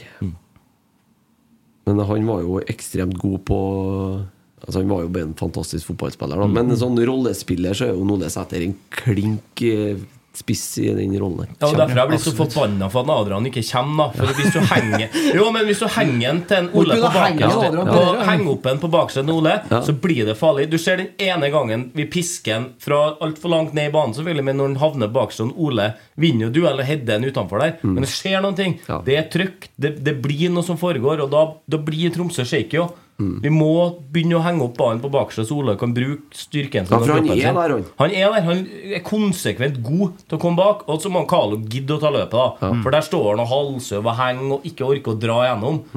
Da er det vanskelig å skape noe. Hva landa vi på karakter? Seks, ja. Takk. Nidaros gir den fem, og leserne gir den seks. Fem er strengt når du skårer mål, det eller? synes jeg. Ja. Og når du binder opp og, ja. og spiller opp til flere sjanser Det, dem. det lukta karsk på pressetribunen. Altså, det gjorde fader, altså. Må slutte med Det er feil å drikke på jobb òg nå. Nei, men altså, hjemmebrent kan du jo kanskje vente med. da. Ta etter kampen. Har igjen en spiller. Jane Nelson. Fem. Fire. Ja, ja, kanskje. Faen, han gjør mye rart, altså. Dæven, han ødelegger mye situasjoner Ja, hvor han kan doble. Han det, dribla så artig der at jeg nesten han får et poeng ekstra der. Altså, jo, han, han er jo kjempeartig, og du bor jo masse inn. Men, Ja, men, men vi 4-3-3 Vi ønsker å bygge et kollektiv. Vi ønsker å bygge en rød tråd i det vi holder på med. Han ser ut som han er på en helt annen planet enn de ti andre på banen. Ja, I er bevegelser og Nå har han jo vært på en helt annen side der planeten Jo, men, men, men allikevel, det er noe med det å liksom ønske da å være med på det kollektivet og dra i samme lasset. Jeg synes tidvis så kroppsspråk når han ikke blir brukt, hvis vi vrir mot sånn, opp og slår med hendene da, Vi spilte åtte minutter av kampen i dag. Det, det skaper så dårlig energi, og det må vi kutte ut med i situasjonen vi er i. Vi må bygge hverandre nå, og da hjelper det med kroppsspråk, solorides, ikke ønske å spille etter den planen vi skal spille. Ja, men han eh, samtidig så har han, har noen eh, kjempefine involveringer. Han spiller jo en Carlo på blank, som det bør bli 2-0. Eh, og så eh, Han en utrolig spennende spiller med et skyhøyt potensial. Og så klarer ikke jeg helt å på en måte kjøre sabelen over den i dag. For at jeg er litt usikker. Men nå kom han jo tilbake på onsdag. Var med og trente så vidt på torsdag. Og var vel med fra fullt på fredagen. Så han leverte egentlig bedre enn jeg hadde frykta i dag. Jeg syns han er en spiller med X-faktor, og syns jo han er en artist. Ja. Eh, Jeg syns det er kult å se på han. Men så er det veldig gode poeng det dere sier. Han må evne å avlevere ballen. Han må evne å innordne seg i kollektivet. Men så må han samtidig få lov til å være artist. og få lov til å gjøre de der, det, det som vi elsker å se på. Det som er artig eh, fotball. Og, og, når, når han gjør backhand så svimmel at uh, han vet ikke hvilken vei han skal snu seg. Han Sakarias Oppsal han er jo hjulbeint nå. han er jo det. Han dribler han jo altså, altså Det som er litt artig med Nelson, hvis han ser, ser på måten han eh, Det er ikke bestandig det at han, han kjører ikke sånn 7000 overstegsfinter. Han bare Han bare liksom Han forflytter kroppen. Han er så smidig, så det, han er ikke sånn som Alan Larsen. Som det, liksom, det tar litt tid. Du var sikkert smidig i tida. Men sånn som nå, da. Ja. Så liksom, han har en sånn kroppsfinte som gjør at uh, de bare detter rundt den. Ja, ja, ja, ja, et tyngdepunkt som er helt ekstremt evne til å flytte eh, vekta si. Det er helt rått å se på. så må vi huske på at den, eh, den venstresida vår nå Den er helt klink ny, nykomponert. Eh, samme egentlig med høyresida. Jeg tenker la utvikle det laget her nå. La, la for guds skyld den venstresida være Helt i fred. Helt Eller hvis enig. du skal gjøre noe, så flytt Carlo Holsen ned der, og eventuelt en Sverre over. Men der òg har du en kreativ kraft. Den venstresida med en Pereira og Nilsen her, la dem være nå. Adrian Pereira må få fortsette nå som venstreback. Det handler om tillit, og det handler om sjøltillit. Men jeg vil ha han Carlo på høyre, for jeg vil at han skal skjære inn og avslutte. Han er god til å avslutte, og han, han kan avgjøre matcher hvis han får komme i den løperposisjonen. Ja, jeg tenker mer på en Carlo til å sette opp en Nilsen. da Ja, Den, men jeg, jeg er usikker på den konstellasjonen likevel. da. For jeg tror at både Carlo og Nilsen kan frustrere hverandre litt for mye òg. Så jeg, jeg tror Ja, den det- linken Carlo Ble nå Nesset forbanna. Ja, ja. Rett skal være rett. Tror du får hjem meg, Kristin? Nei, nei, jeg skulle bare slippe inn litt luft der og utsolgt. Her er ikke rom for å være uenig. Fire spillere som kom inn på. Siljan kom inn opp på for Nypan etter 82. Ja, per, per, det kan jeg jo si. Per eh, bare kjapt Han syns jeg reiser seg litt etter det innhoppet mot Lillestrøm da han ikke er bra. Mm. I dag så kommer han inn og gjør en manns jobb og tar tak. Og, og var litt sånn gode, gamle driver. Prøver veldig mye offensivt. Og så også han smart på slutten. Når Hjelper til når det koker litt etter vi får 2-1 og sånn. Vi skal jo ha frispark i den Trond Henriksen-duellen, f.eks., men det Nei, i dag får vi brukt Får han bidratt ordentlig med den smartnessen sin. Tenker du, Alex? Nei, jeg er enig. Jeg, jeg syns Per har vært en sånn jul, dysfunksjonell julevisp de to siste kampene. Han, jo, men, Ja, han, vil, han, vil, han vil masse, men han, han er alltid for sent ut. Han henger liksom litt i tauene hele veien. Han stresser med ball. Han, han gjør ikke medspillerne sine gode. Mens i dag kommer han inn og har litt mer roa, som du sier, Christer. Han er smart i at han skjermer ball, roer ned tempoet. Han slår ikke ukritisk fra seg ballen, så vi skal få han imot, men vi, vi roer oss ned litt og evner å holde i ballen litt mer. Og så ser du de bevegelsene som han gjør, da som vi kanskje savner litt til Frans Karstrøm. Det at han plutselig bare stikker inn i 16 der, så at han er spillbar. Ja, ja. Så, Men igjen, han, eh, hold, han holder igjen lenge nok til at det er rom Ja. til å gå i. Den Men, gå ikke eh, for tidlig. Riktig, altså steg i riktig retning for hans del, kontra de to siste kampene han har spilt. Så synes jeg at jeg personlig skal Vi skal ikke snakke tilbake, men jeg syns det var feil av en Svein å dytte ham inn i første kampen, der han har vært skada så lenge Mm. igjen nå. Kamprusten. Eh, Vi har jo sett siste tida nå at han trenger litt tid for å komme seg i matchfit. Og det ser du når han kom inn sist kamp òg. Det ble for lang tid, og han var for dårlig fysisk rusta. Og da henger han ikke med. Dysfunksjonell hjulvisk. Skal jeg, skal jeg ta patent på den? Ja, Ja, det syns jeg kan. Mangler mutter. Siljan var god i dag, han. Agon Sadiku kom inn eh, etter 79 minutter for Ole. Ikke spesielt eh, livsfarlig foran mål, men gjør en utrolig viktig pressjobb.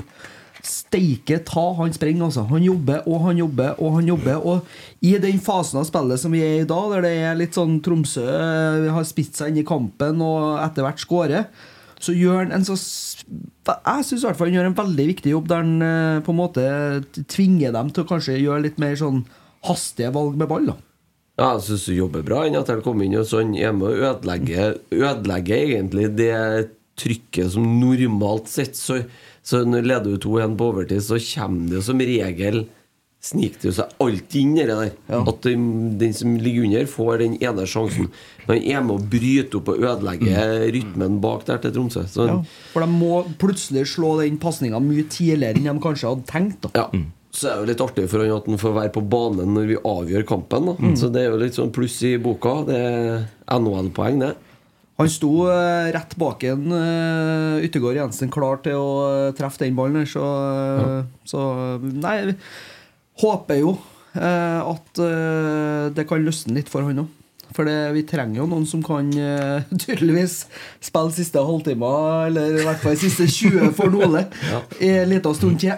Jeg syns han, han ga laget mer, da. Som eh, uten at det var noe sånn glimrende, så ga han litt mer enn en Aga har gitt de to-tre siste, to, siste kampene når han kom inn. Det skal jeg være veldig enig med. Helt enig. Mm. Aga syns jeg bærer preg av at han er altfor uferdig til å spille på nivå her. Han vimser ukritisk i press, han tar feil valg konsekvent.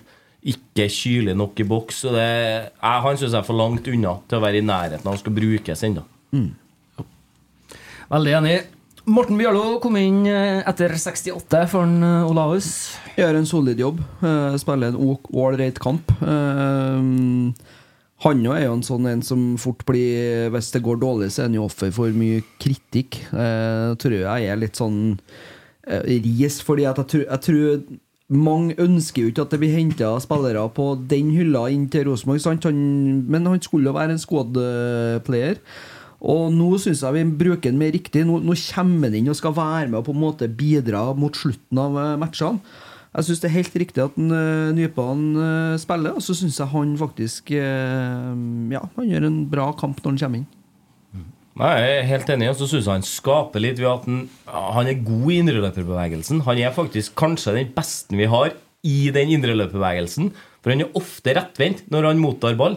Og Det ser du når han kommer inn i dag. Og han er en av få som evner å, være rettvendt og ta med seg ball i rom og utfordre i rom. da Fordi han har den lille tålmodigheten. Så han, eh, han skal rose for det. Og det er ikke noe enkel kamp å komme inn i. Det har blitt 1-1. Du, du sitter med en sånn følelse at her må vi jage. Og, og det, det, er ikke noe, det er ikke noe enkelt å komme inn. Så jeg syns han løser det på en jævlig bra måte.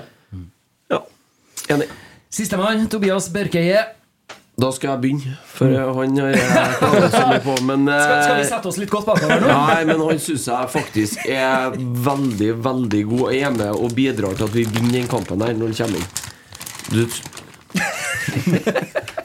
Jeg skal prøve på nytt da når han er ferdig med å knøvle Jeg den posen her. Skru ned mikken. Hans. Nei, men han er med og bidrar til at vi vinner den kampen her. For han kommer inn, tar for seg, eh, er rolig, eh, hjelper til å dirigere veldig bra dem rundt seg, som får litt mer struktur i, laget. Vinner den duellen på den corneren. Vinner han den første duellen, som igjen går videre til en Erlend, som ender til en Ulrik. Så eh, meget bra innhopp. Jeg tror det kan passe han mye bedre å spille anker i det Fire. systemet her. Og det kjenner han jo fra eh, ungdomsfotball i Stabæk, fra akademi, fra A-lag i Stabæk i den tida. Så det tror jeg kan passe han bedre. Det som òg jeg beit meg merke til, er at han i dag, i stedet for å konsekvent slå støtte, så slår han støtte når han skal slå støtte. Og så vender han opp og slår opp eh, Eller spiller opp en av indreløperen, eh, spesielt Bjørlo, da, som er på tur fremover, i riktig øyeblikk. Og så vinner han de, der, eh, de viktige duellene. Så artig.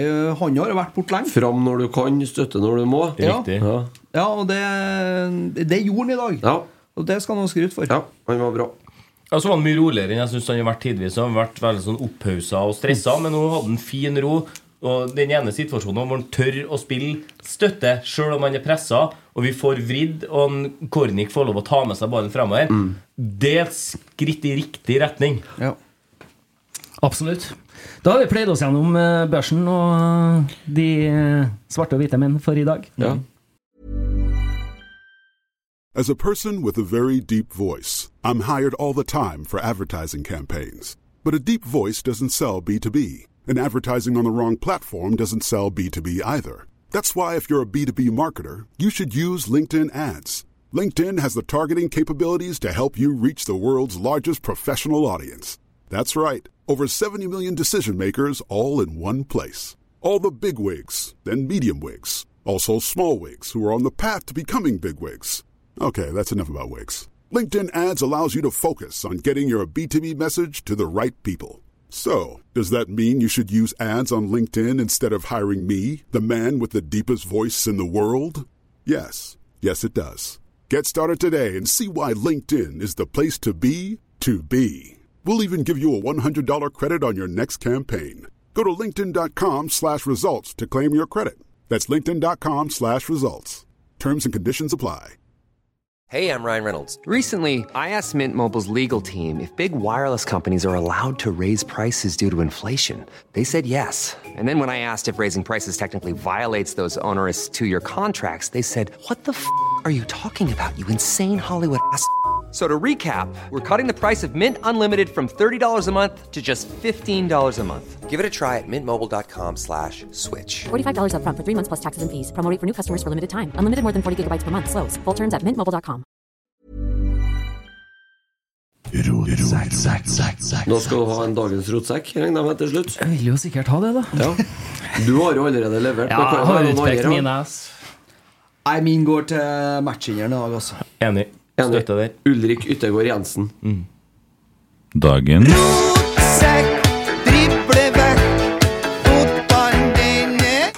Der, ja. Takk. Firkanta enkelte dager. Ja.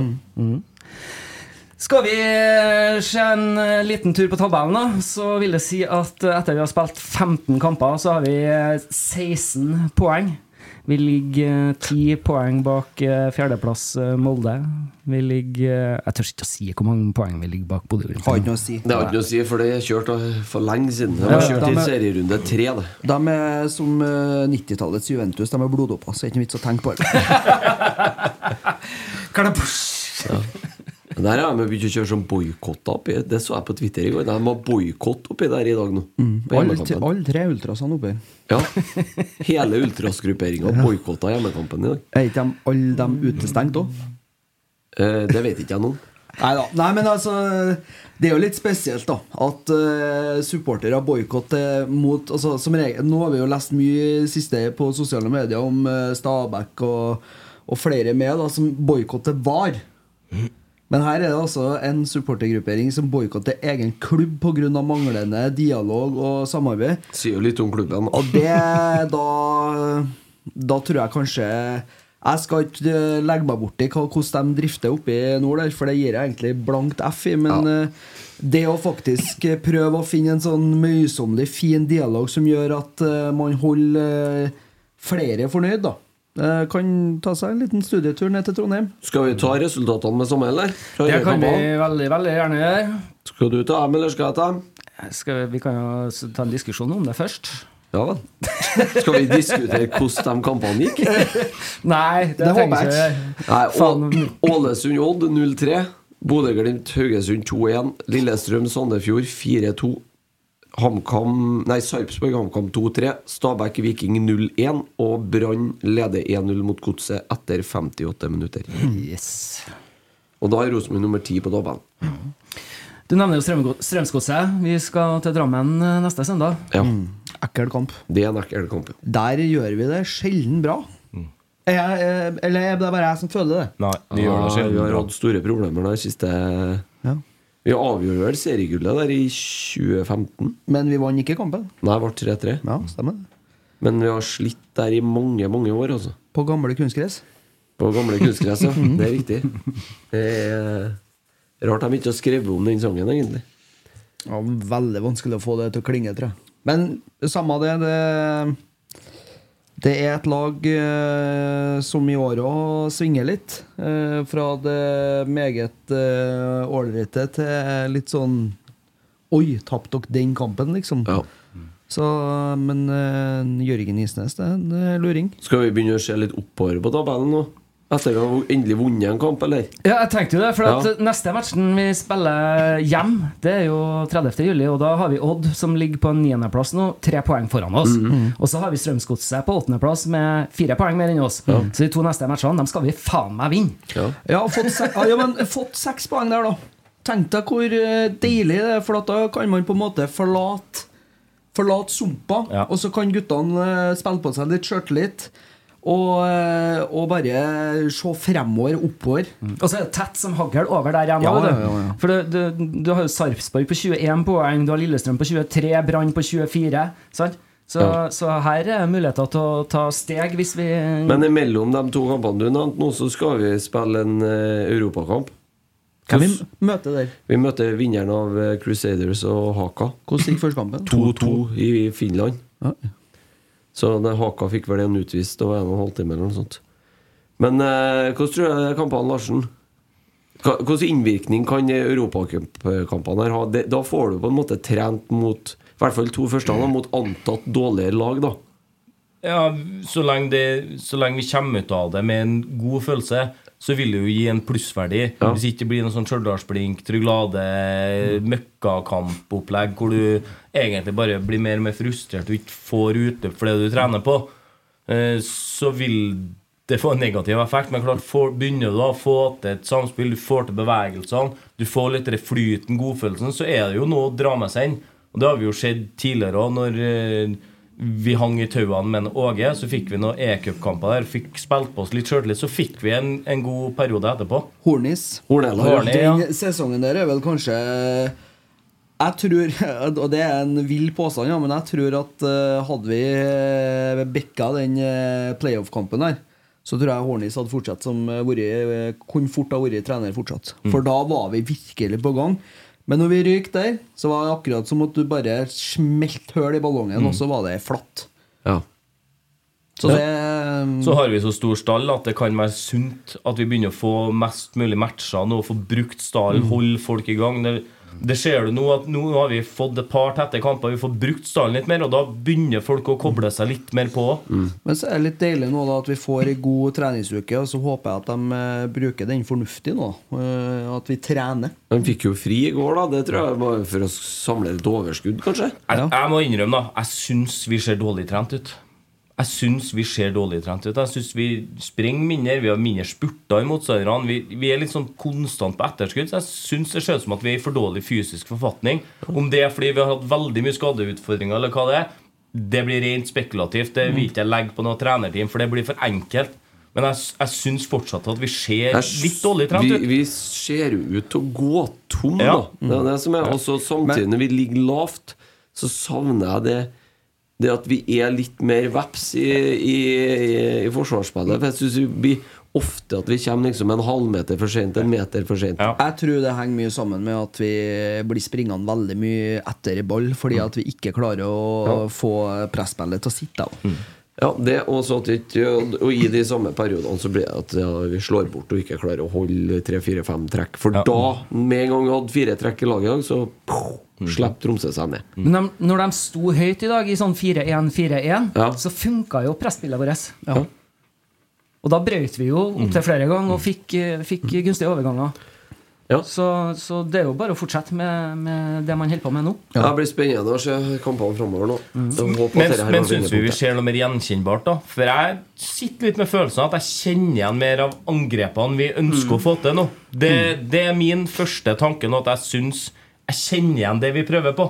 For både Adrian sin sjanse, Khaled sin sjanse, de kommer på mange måter på samme måten. Ja. At vi dobler, skaper overtall og kommer nesten alene med keeper da, i, gunstige situasjoner ved at vi frispiller. Hva tenker du, Tommy? Nei, jeg syns det det er mye, mye fin fotball, og så er det klart at eh, man merker jo det at man har en eh, litt annen det er en annen spillestil, en annen måte å tenke fotball på, selvfølgelig. Og så syns jeg kanskje at det virker som vi ønsker å ta tak og, og styre kampene i mye større grad. Eh, får ikke det riktig helt til ennå, men, men det vil jo komme. Eh, og så er det som jeg kanskje syns er artigst å se, da, det er jo det med at vi rett og slett eh, i mye større grad eh, spiller ball fremover. Altså vi, vi jakter Og så er det jo klart at eh, prestasjon, eller altså gjennomføringa, er ikke like god alltid. Men nå er det noe sånn at vi spiller en ny formasjon, vi har nye rollesammensetninger. Folk er, er flytta litt rundt på, men nå tror jeg kanskje man har funnet den sammensetninga som vi bør fortsette med. Jeg ser ingen grunn til å ta ut Adrian nå foran neste kamp. Jeg ser ingen grunn til at uh, Nypan ikke skal spille indreløper. Jeg ser ingen grunn til at en Kornik ikke skal spille høyreback med en Reitan innafor seg. Fordi at jeg tror at med den oppstillinga vi har i dag, har vi størst sjanse for stor fremgang fremover. Enig. Og så må vi få opp presisjon. Det, å, det savner jeg. der. vi, vi kan bare spille en enkel pasning. Det er ikke, det er ikke en lang pasning, og så spiller vi den bak. Faen, spillen foran spilleren, så han kan ta med seg ball. Nøyaktighet, det må vi jobbe med.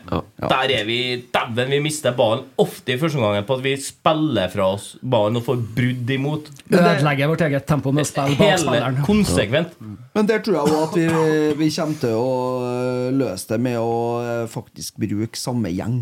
Nå har jo jeg vært litt eh, på trening vet du, i det siste så, og kikka på. Så eh, det ser jeg jo faktisk at de jobber ganske mye med. Eh, både en eh, Svein og Trond er veldig opptatt av det med kroppsstilling og det å være offensiv når du eh, Når du begynner å bevege deg og skal og har lyst på ballen. Mm.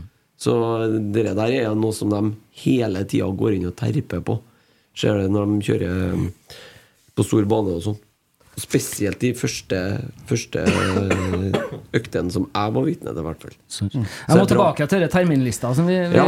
nevnte i sted. Ja, for at, sporet eh, av, neste, om 14 dager så, så nevnte vi at vi spiller mot Odd på hjemmebane. Mm. De spiller på egen hjemmebane neste søndag mot Vålerenga. Og hva skal vi si om Vålerenga? Ny trener Geir Bakke. Ja, han, han slakta jo gjengen sin ganske greit i går. Og kunne like så godt ha blitt fem, seks og sju, hva han sa for noe. Men det kunne han faen meg blitt da. Ja. Dæven, han ble pissa på. Ja, men det er jo, jeg må jo si det at det gleder jo et uh, litt sånn uh, surt hjerte å se en 40 millioners mann bom på åpent mål igjen. Det er jo, det, skadefryden er jo stor, men altså Molde var det, det verste da med den kampen i går, er det at jeg syns Vålerenga hadde fortjent å skåre før de fikk 2 og 3-0. For at Vålerenga var god mot Molde i går. Men de er jo tafatt i egen boks og tafatt foran mål, da, så da hjelper det ikke. Men eh, det er jo bare positivt for oss, da. For nå er de vel seks fem, fem poeng bak. Fem poeng bak. Ned på 14 er de nå, med Men, eh, 11 poeng. men eh, det har jo vært et jækla sirkus denne uka her, da kan du trygt si. Men jeg Altså, må til, legge til det da at Vålerenga har spilt to kamper Ja, det har oss. Ja, ja. Men ja, de skal vinne de kampene her òg. Hvis de spiller sånn som i går, så gjør de jo ikke det. Nei. Og det, det men- er mye ikke. Enkelt regnestykke. bra, bra, var sterk i matematikk nå. Ja.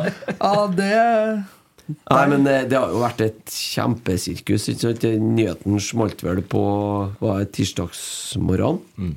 Var det når det var samme dag som cupkampen? da? onsdag. Onsdag, onsdagsmorgen, ja. Da smalt jo nyheten om at han går fra Lillestrøm til Vålerenga. Og det For å si det sånn eh, Altså, enkelt og greit, da. Han har valgt å gå etter pengene. Ja. Punktum. Ja. Ja. Det er ikke noe mer å si om den saken. Nei, men så har det vel òg vært noen rykter om at det har vært litt slitasje mellom eh, trenerteam og spillergruppe i Lillestrøm, Lillestrøm, og jeg tror eh, Men altså, det er jo Jeg synes For å si- for mer- for- Merkelig tidspunkt å gjøre det på. Ja, For å prøve å sette det litt i Rosenborg-kontekst, da. Det der er som om en Kåre Ingebrigtsen skulle ha gått til Molde i 2016. Så, eh, så enkelt og så brutalt er det. Midtsommers 2016 der. Eller, eller at en Erling Moe skulle ha tatt over etter en Kjetil Rekdal nå. Ja. Ja. For eksempel.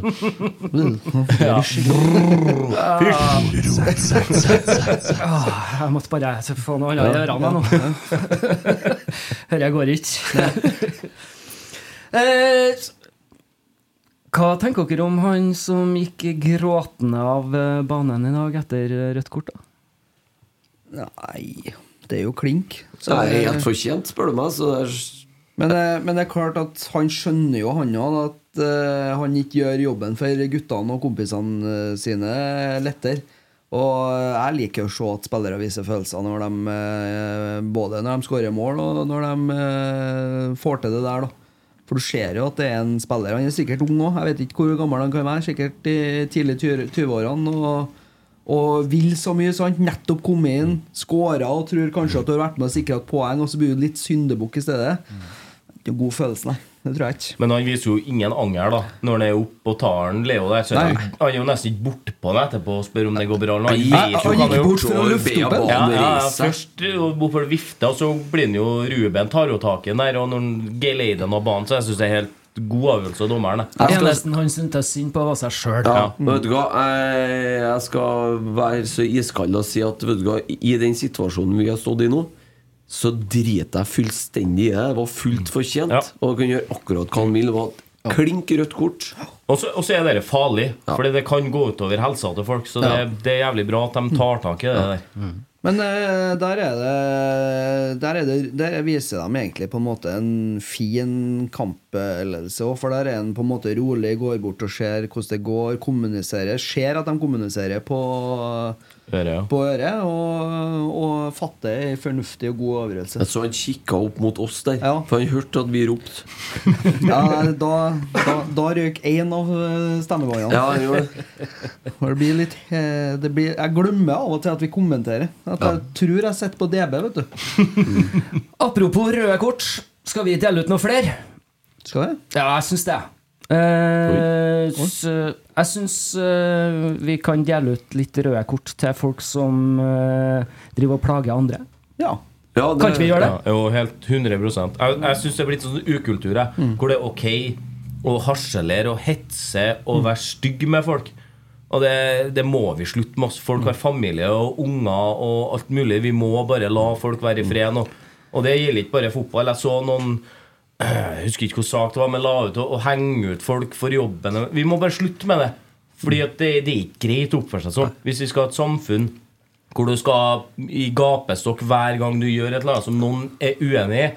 Hvordan utvikling og, og, og samfunn får vi da? Vi må bare kutte ut med det. Nei, altså, jeg kan eh, på en måte altså, Hvis man eh, er konstruktiv i kritikken og på en måte er saklig i kritikken, så er det greit nok, men eh, altså, det med å, å, å drive og ringe og sende mailer og DM-er til folk og hetse Altså på en måte være direkte stygg da og gå på familie og sånne ting. Hva er det? Det er så ufordragelig og det er så uoppdragent at det går ikke an å sette ord på det heller. Så folkens, slutt opp nå, da! Ja, det er bare å kutte ut. Eh, enkelt og greit. Og det vi gjelder, ser det med eh, en og Mush, vi ser det med en. Rekdal, vi Ser det med en Geir Bakke. Ja. Eh, faen også, folkens! Spar dere! Nei, men vi kan jo i hvert fall eh, snakke for og til dem som holder med det laget vi holder med, Rosenborg. Og det er jo ikke Det blir jo enkelt og greit sånn at eh, det går jo utover i klubben og klubbens omdømme. Og eh, Jeg tenker jo det, Kjetil og Geir er nå, er nå ikke Rosenborg-trenere lenger nå, og da må jo til helvete rett og slett gå an å la dem være i fred. Og så må vi forstå det at uh, uansett da om man er enig eller uenig i spillestil, i, i hvordan kamper går og sånn, så dem som går på jobb for Rosenborg, da Det er to mann da, som har flytta fra familien sin i nesten to år. Og jobba døgnet rundt for å gjøre det beste for Rosenborg. Så fikk de noe til det, da. Så fikk de beskjed om at de var ferdig Og da er de ferdige, da. Og da er det Da kan du bare liksom Da sier vi takk for innsatsen. Eh, Dere prøvde, og dere gjorde så godt dere kunne. Ja, og og så- nå, nå har vi valgt å gå videre. Da kan faen meg folk gå videre òg. Ja, og så kan du legge til, bare sånn for avslutningsvis Så kan du legge til, og så kan du begynne å gå inn og se hvor mye eh, Nå har jo det her spesielt gått utover Kjetil Rekdal. Kan du gå inn og, og lese hvor mange intervju han har gjort i ettertid der han har snakka dritt om Rosenborg. Det er faktisk ingen. Da. Nei, er ingenting. Så, det, så det er ikke Altså nå Parker den her nå. Ferdig, død. Slutt. Ja, og så gjør det at det blir vanskeligere å rekruttere nye trenere. Fordi at folk vil ikke komme til en kultur hvor du blir spist levende hvis du gjør noe folk er uenig i. I verste fall nye spillere òg. Hva, hva var det vi gjorde på Sverresborg når det var ting som ikke var bra? Eriksen fortalte Han har vært jo på Sverresborg folkemuseum og sånn spytta eller et eller annet som fortalte om dere Birkebeiner-motstanderne. Gjør sånn. Ferdig. Vi vil ikke ha det. Få det bort. Jeg syns du er flink. Ja, Ja, takk skal du faen meg ha. Eh, så, apropos ikke å kritisere eh, folk og sånn. Hva syns vi om dommernivået i Norge? Og skal vi snakke litt om VAR og sånn, eller? Eh, Var det en dårlig overgang? Her skal vi holde det litt kort, kanskje. ja, nei, VAR er jo VAR, VAR er, ikke kommet for å bli. Punktum. ja, det, Her er bare å ta opp hansken. Og så vil jeg si det, da, at eh, nå har vi sett så mye greier med dommere over de siste sesongene. Og når man som øverste leder ikke greier å levere et tilfredsstillende resultat, minus Eskil Eskås, som har vært og dømt U21-finale, gratulerer med det, eh, og gjort en god jobb Når du har én dommer som leverer på internasjonalt eh, nivå, kontra fire-fem som vi hadde før, ja, da må jeg dessverre si da gjør du ikke jobben din. Fratre, gå av, la noen andre ta over. Fordi at det nivået som vi har nå, det er tidvis skremmende lavt. Vet vi hvordan det er med tilbud om etterutdannelse for dommere på toppnivå? Ja, men jeg mener Nei, det, de blir jo kjøpt fri, og så har de en del eh, Så de blir jo kjøpt fri i jobben i forbindelse med at de dømmer kamper. Og så har de vel en del sånn samlinger i løpet av året. Eh, tingen er så at du har lagt ned det videosarvet vi holder på med, og så heller brukt de pengene til å profesjonalisere dommerstanden. Mm. må jo, du må jo begynne i den delen, da. Brukt hele preseason på å preppe dem. Ja. Se på video, analysere. For å være litt Eide Eriksen, da. Det var det. Ja. Var. Hem, hem, hem. Nei, men, nei, men altså, hvis du ser eh, altså, Nå er det jo Dommerne sjøl er jo ikke sikkert de ønsker å være fulltidsdommere. For du ser jo noen av verdens beste dommere De har jo jobba ved siden av. Så det er jo kanskje ikke nødvendigvis det, men jeg tenker jo det at eh, kanskje vi skal se litt tilbake på hva var det som fungerte den gangen. Og vi kan jo starte med holdninger. Eh, med fotballforståelse, fotballfaglig på en måte altså, Jeg tenker kanskje burde dommere vært mer ute i klubbene og på en måte tatt del og, og kikka på treninger og liksom forstå fotballbevegelser. For at jeg synes det virker, virker i hvert fall for meg, da og nå har jeg snakka med en del som har vært ikke toppdommere, men ganske på tur opp, da. Eh, som, som sier det at i dag så er det på en måte de fysiske kravene som nesten er viktigst. Du skal være god til å sprenge, du skal være, være tett oppe i situasjonene. Men det hjelper jo ikke hvor tett oppe i situasjonen du er hvis du ikke er konsekvent, hvis du ikke, hvis du ikke følger med, hvis du ikke klarer å ha en god eh, på en måte kampledelse. Da. Det jeg, jeg, jeg, forstår, jeg forstår ikke, for jeg syns det er jeg synes det er så langt imellom, og så syns jeg det er så vanvittig variabelt. Det er det selvfølgelig på fotballspillere og hos fotballsupportere. Vi er variable i prestasjonene, vi òg. Men, men de, de, har så stor påvirkningskraft. Altså, de kan være direkte ansvarlige dem, for at en klubb eh, taper fem millioner eller eh, ender på et nedrykk. Så de har et veldig stort ansvar og er veldig prisgitt av at du har folk som gidder å dømme. Men eh, jeg savner et høyere nivå, da. Så det, det vi egentlig sier her nå, det er å kutte ut VAR, bruk pengene som brukes på VAR i dag, til å profesjonalisere Ja, dommerstanden. ja, fordi at etter ti kamper nå så hadde de evaluering, og det viser seg jo at det blir jo ikke noe mer riktig med VAR. Det, Det blir jo- enda mer frustrasjon det- når du tar fra supportergleden nå. Riktig.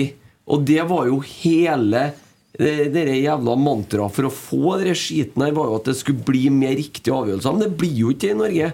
For at vi har ikke det systemet. Og det er så dyrt, det systemet, at vi kommer aldri til å få det. Eller mest sannsynlig, tror ikke jeg, da. Så du tror ikke det er bare barnesykdommer nå under innføring? Og, Nei. og, I- Ikke, ikke når det er samme sykdommene etter 15 runder. Hadde det vært i tre runder De har jo holdt på altså Det blir jo det samme som å si at Rosenborg har begynt å spille dårlig angrepsfotball i første serierunde. Vi gjorde jo ikke det, vi holdt jo på med det hele preseason òg. De har jo holdt på en hel preseason, de òg, med det varesystemet. Det funker ikke. Og da må du heller bruke pengene på å tre gjøre eh, På å la dommerne få dømme mer, da, og få eh, profesjonalisere dem. Jeg, jeg tror helt ærlig at VAR jager publikum bort fra stadion nå. Ja. Og det er skummelt, for du mister spontaniteten. Du mister alt det du er der for. Den ta og føle på spenninga, mm. euforien når ballen går i det jævla nettet. Du skal jo sitte da og tvinne tommeltotter i tre minutter for at en nisse skal klø seg i hodet og se på en dataskjerm. Ja. Det, det blir så banalt. Hvis, hvis, hvis de Altså det som jeg sier at Hvis de nå først skal ha VAR da, og skal innføre VAR, så gi dommeren ti sekunder. Max. Hvis du ikke ser feil etter ti sekunder, så er det ikke en feil. Niks. Og ble det feil avgjørelse etter det, så er det sånn Ja, ja, nei, men vi klarte ikke å se det. Men da, dommeren skal heller ikke ut av banen. Dommeren skal få beskjed på ørene innen ti sekunder. Om, og da er avgjørelsen tatt. Åkke som. Da må de være kompetente nok, de som sitter på varerommet, til å ta en rask beslutning. Ja, de bør jo være, det de må, bør jo være kompetent nok, da, for det er jo dere som dømmer eliteseriekamper helga etter. Mm. Så ja, nei, det Men eh, skal Rosenborg-supporterne gjøre sånn som Stabæk-supporterne og, og aktivt gå ut og protestere mot det? Ja, Kjernen har jo tatt et aktivt eh, standpunkt mot VAR hele veien. og Har vært imot det. Eh, Rosenborg var jo med og innførte VAR. Eh, bak ryggen på sine egne medlemmer, bak ryggen på sin egen supporterklubb. Det ble hevda den gangen fra tidligere daglig leder at, eh, at eh, det var ikke tatt noen avgjørelse på det, men det var det. Eh, og, den, og i det VG-oppslaget den gangen så ble det jo sagt at her skulle jo alle nivåer i klubben, eller i klubbene, da, involveres. Det var én klubb som hadde baller til å stå imot det tullet her. Det var Lillestrøm. Resten var for. Så um, kapitulert mer eller mindre. det, det er ingen skam å snu, er det vel en fjellvettregel som heter. Men det kommer ikke til å skje. Hæ? Det kommer ikke til å skje. Nei, men, nei, så hvis uh, Når det blir sånn som på Nadderud i dag, da Stabæk Support de, de, la, altså, de stengte hjemmeseksjonen i dag, de. Nei, men altså Jeg, jeg bare, jeg bare, jeg bare kjenner NFF. De er så arrogante. det er ikke og- NFF som bestemmer, Tommy. For dere kan jo bestemme på fotballtinget i Norge. Ja, ja. Men, Ja, Og da må, eh, men da må klubbene ha baller nok til å si at vet du hva, dette vil vi ikke ha. Det er Ja, men der nå, det er det, nå er det jo blitt sånn at det er eh, klubbledere i Norge. Det er trenere i Norge, det er spillere i Norge som nå går aktivt ut og sier at disse greiene her kan ikke vi holde på med, for det er bare surr og bare rot. Nei, så da er det både ingen skam å snu og skynd deg å trekke deg ut i tide. Hem, hem, hem, hem, hem. ja, nei, eh, Ja, men det var vel eh, egentlig det som vi gidder å se om var, eller? Ja, for det fornøyd. da. Og Terje Høge, Trekk deg. takk for nå. Takk for laget. Det er bra nå. Nok nå. Yes. Jeg er jo i fansonen før kampene og prøver å lage fader litt ikke, for jeg kikket etter eh, deg i dag. Jeg så deg. Han var der, han. Ja. var der, jeg, Ja, ja, ja. jeg er så kort, og du er så kort. Du ser meg. to og fireåringer mellom oss, du, begge. Ser meg når jeg står oppe på scenen. Ja. Eller du hører meg når jeg snakker i mikrofon. ja, sånn det var. Han hører deg, og det er riktig. Jeg, jeg bruker å gå bort til en Arne og si Hei, hei, har du en fin dag? Koselig å se deg. Kan du prøve det, Tommy? Ja, men jeg så den jo ikke. Da må du aktivt oppsøke den. Du, jeg tror du vet stort sett hvor jeg står. Ja, ja. Men uh, i dag så hadde jeg. Bakom et gjerde røyke Au. Ja. I dag hadde jeg innmari koselig besøk. Jeg hadde besøk av en eh, Noah Holm. Ja. Og intervjua han på scenen.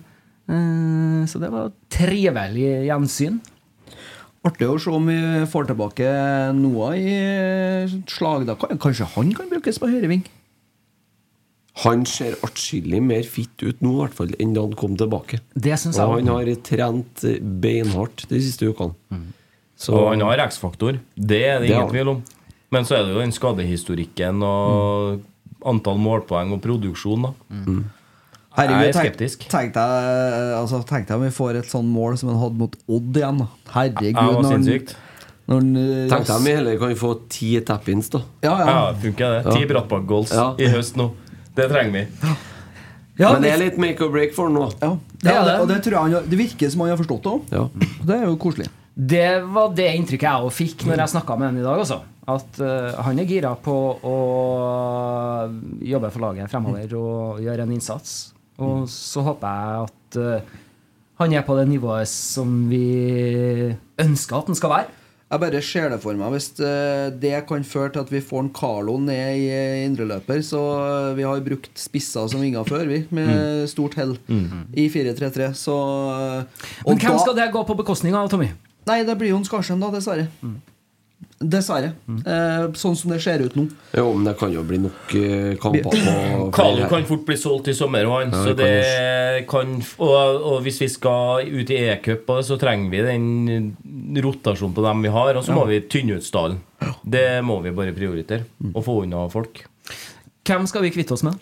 Andersson, Klink Jeg er usikker på om Kristall har noen framtid i Rosenborg. Jeg syns han har brent litt for mye bruer. Jeg, jeg, jeg, jeg syns på mange måter at han har noe ved seg på, når han klarer å holde fokus, men det er for mye drit og lort. Så Jeg syns han har et altfor stort holdningsproblem. Blir takk, men nei takk. Ja.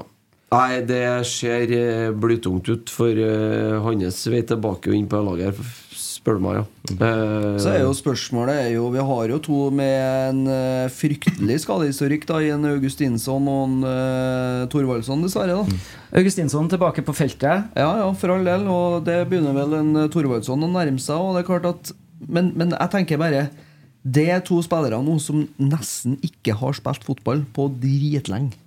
Eh, Thorvaldsson var jo god i Island i fjor og var eh, ikke skadeutsatt da, men du blir jo litt sånn ja, Hvordan går dette her, da, når du har en uh, spiss som elsker å gå i dueller, som ikke tåler en hjernerystelse? Det er Ja. dårlig deal, altså. Og som dessverre ser ekstremt utrent ut. Han ser ut som han er langt unna å spille noen fotballkamper, i hvert fall.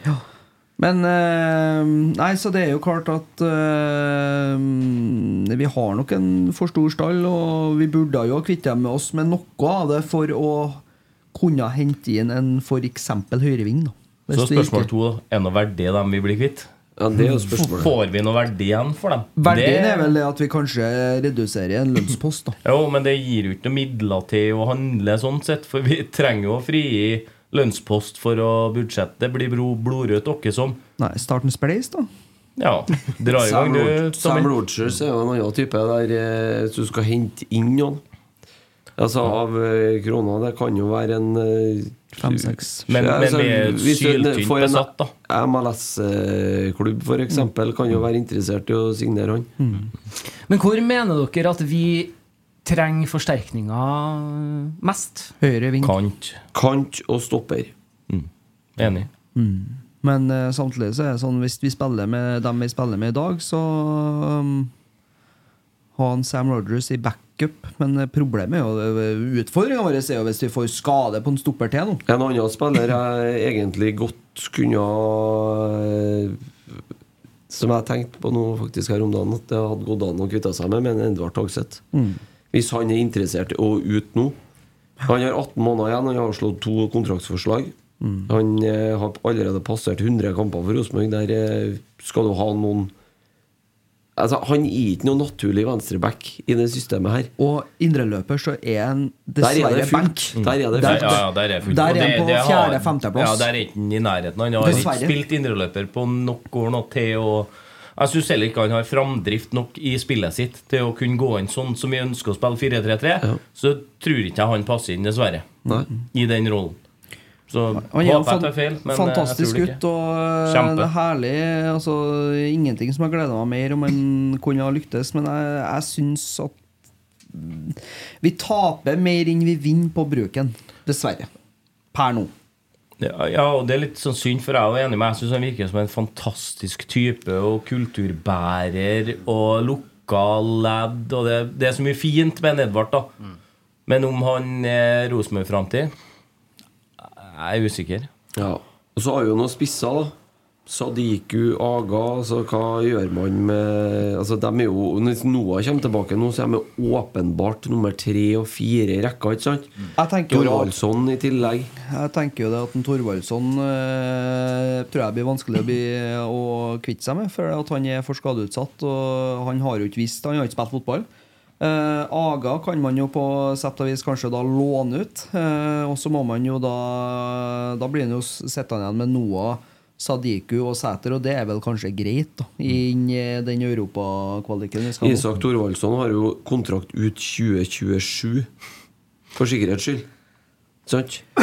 Jo, men hvis man, hvis man ser på det han leverte i fjor, da Ja. eh, og det at han begynte å komme i god form, og, og de hadde trua på han Tenk deg hvis han hadde vært en åpenbaring i år, da og så hadde vi hatt, uh, hatten til 2025 for at vi var nervøse for skadehistorikken. Og så, så det, dere skjønner jeg, dere er vanskelig, altså. Men, men igjen da, så er det litt sånn faen sånn som økonomien til Rosenborg har vært siste årene. At vi tør å bryte oss på lange kontrakter nå, det syns jeg er skummelt.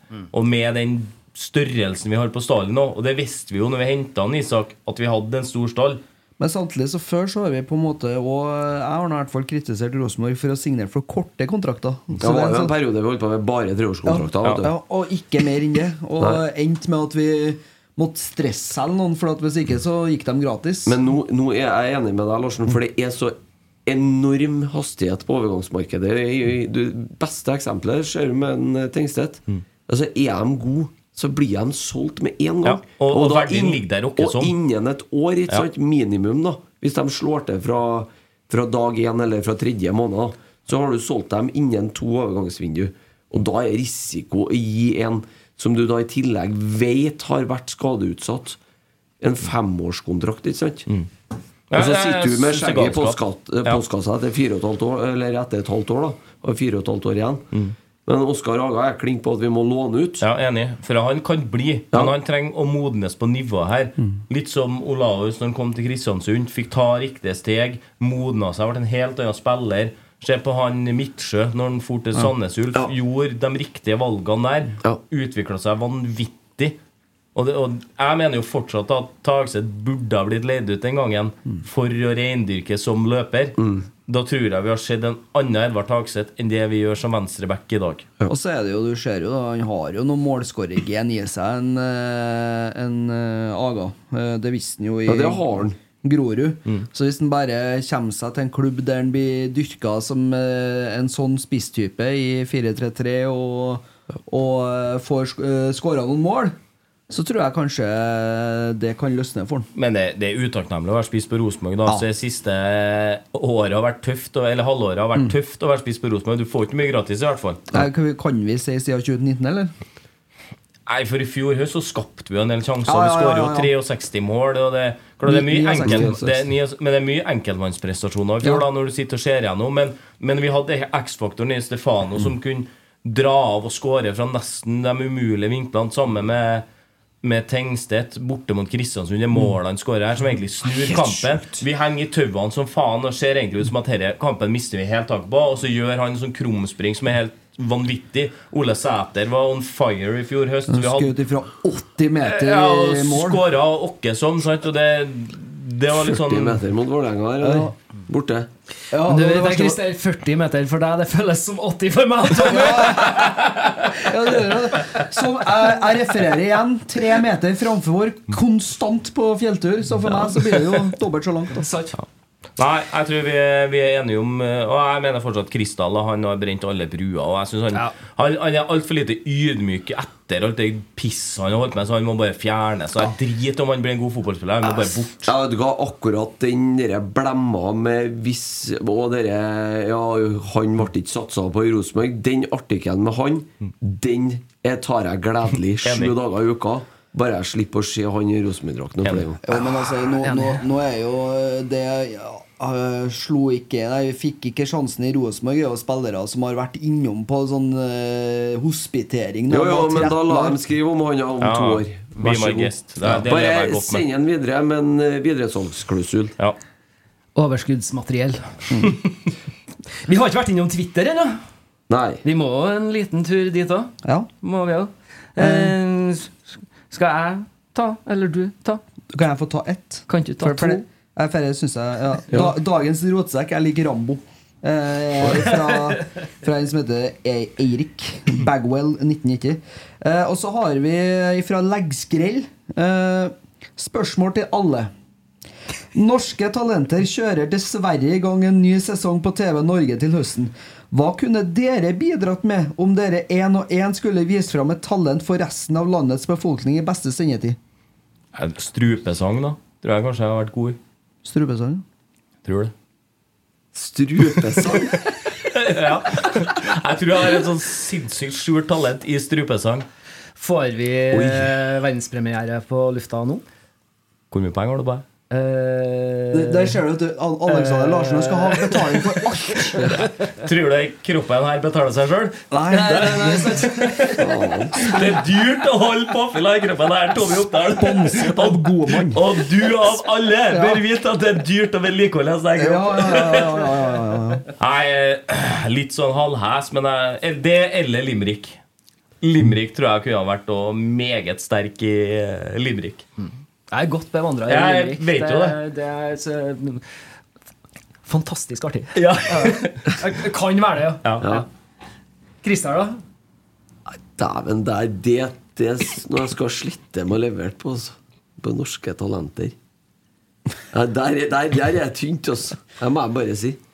Jævla god med dreiebenken. Ja, men det er liksom Se for deg bare det styret og skal begynne å rigge opp en dreiebenk oppå scenen. Ja, men Det ville ha vært underholdende i seg Ja. sjøl. Hva skal du lage, liksom? Men den ja, trenger ikke lage litt, noe, da. Tre og en halv time her nå, og så bare Monter opp benken, og så si takk for meg, så går det. Ja, ja det går an. Kan jeg sette i kiosknøkkelen da, og så sette den på 2000 og gå? Da blir det i hvert fall underholdning. Skjønte jeg ikke en dritt av, men det hørtes, hørtes Men, fornuftig men det er derfor du ikke må komme til meg og at jeg flirer og nikker. Så jeg er ikke For jeg så litt sånn halvintelligent, og dere, dere var ikke noe problem, nei. Ja, nå har jeg svart. Jeg opptar det. Prøvde i hvert fall å komme med et svar. Nei, jeg måtte ha blitt uh, jakt på PlayStation. da Ja. Der er jeg faen meg et meget stort talent. Det er gått med noen timer. Hjemme alene i helga, vet du. Oh, den PlayStation har jo gått varm, for å si det sånn. Nei, det Det Du kunne ha sagt eh, altså, noe med humor, da, men altså Det er jo det er altfor tynt, vet du. Standup, du, da. Standup. Med måtte ha stått på bruskasse da, for få for at folk skal sett meg. Du og Sandra Borch da, så på hver sin bruskasse. Ja, Hun, ja. hun synes jeg er jævlig kult. Hun gjorde faktisk Jeg hadde med seg bruskassen og sto på den. Litt for å demonstrere. Jeg synes jeg er dritkult. Jeg var, eh, Tommel opp. var I min spede ungdom så var jeg jo en del av uh, Senterpartiet. For det er jo eneste partiet som er, er oppe i Overhalla, for å bære bare bønder. ikke sant? Og da var, måtte jeg jo være med på sånn der eh, Senterungdommens eh, landsmøte. Og da fikk jeg se det første gangen. Og det synes jeg det var klasse. Ja, dritbra. Klinka brodden av det med en gang. Ja. Ja, da vi, vi er litt kortvokst, men eh, jaggu. Hun bare naila den. Ja, helt skjevt. Jeg synes jeg står kjemperespekt av. og bein i nesa så det holder. Ja, tøft. Råtøft. Så, nei, det måtte i standup eller uh, jakt på PlayStation. Ja. Enn du, Arne? Lenge siden jeg har spilt blokkfløyta. Ja. Ja, så det kunne ha blitt er underholdende. Det kunne ha blitt underholdende. Ja. Hvilken åpning skulle du spilt ut da?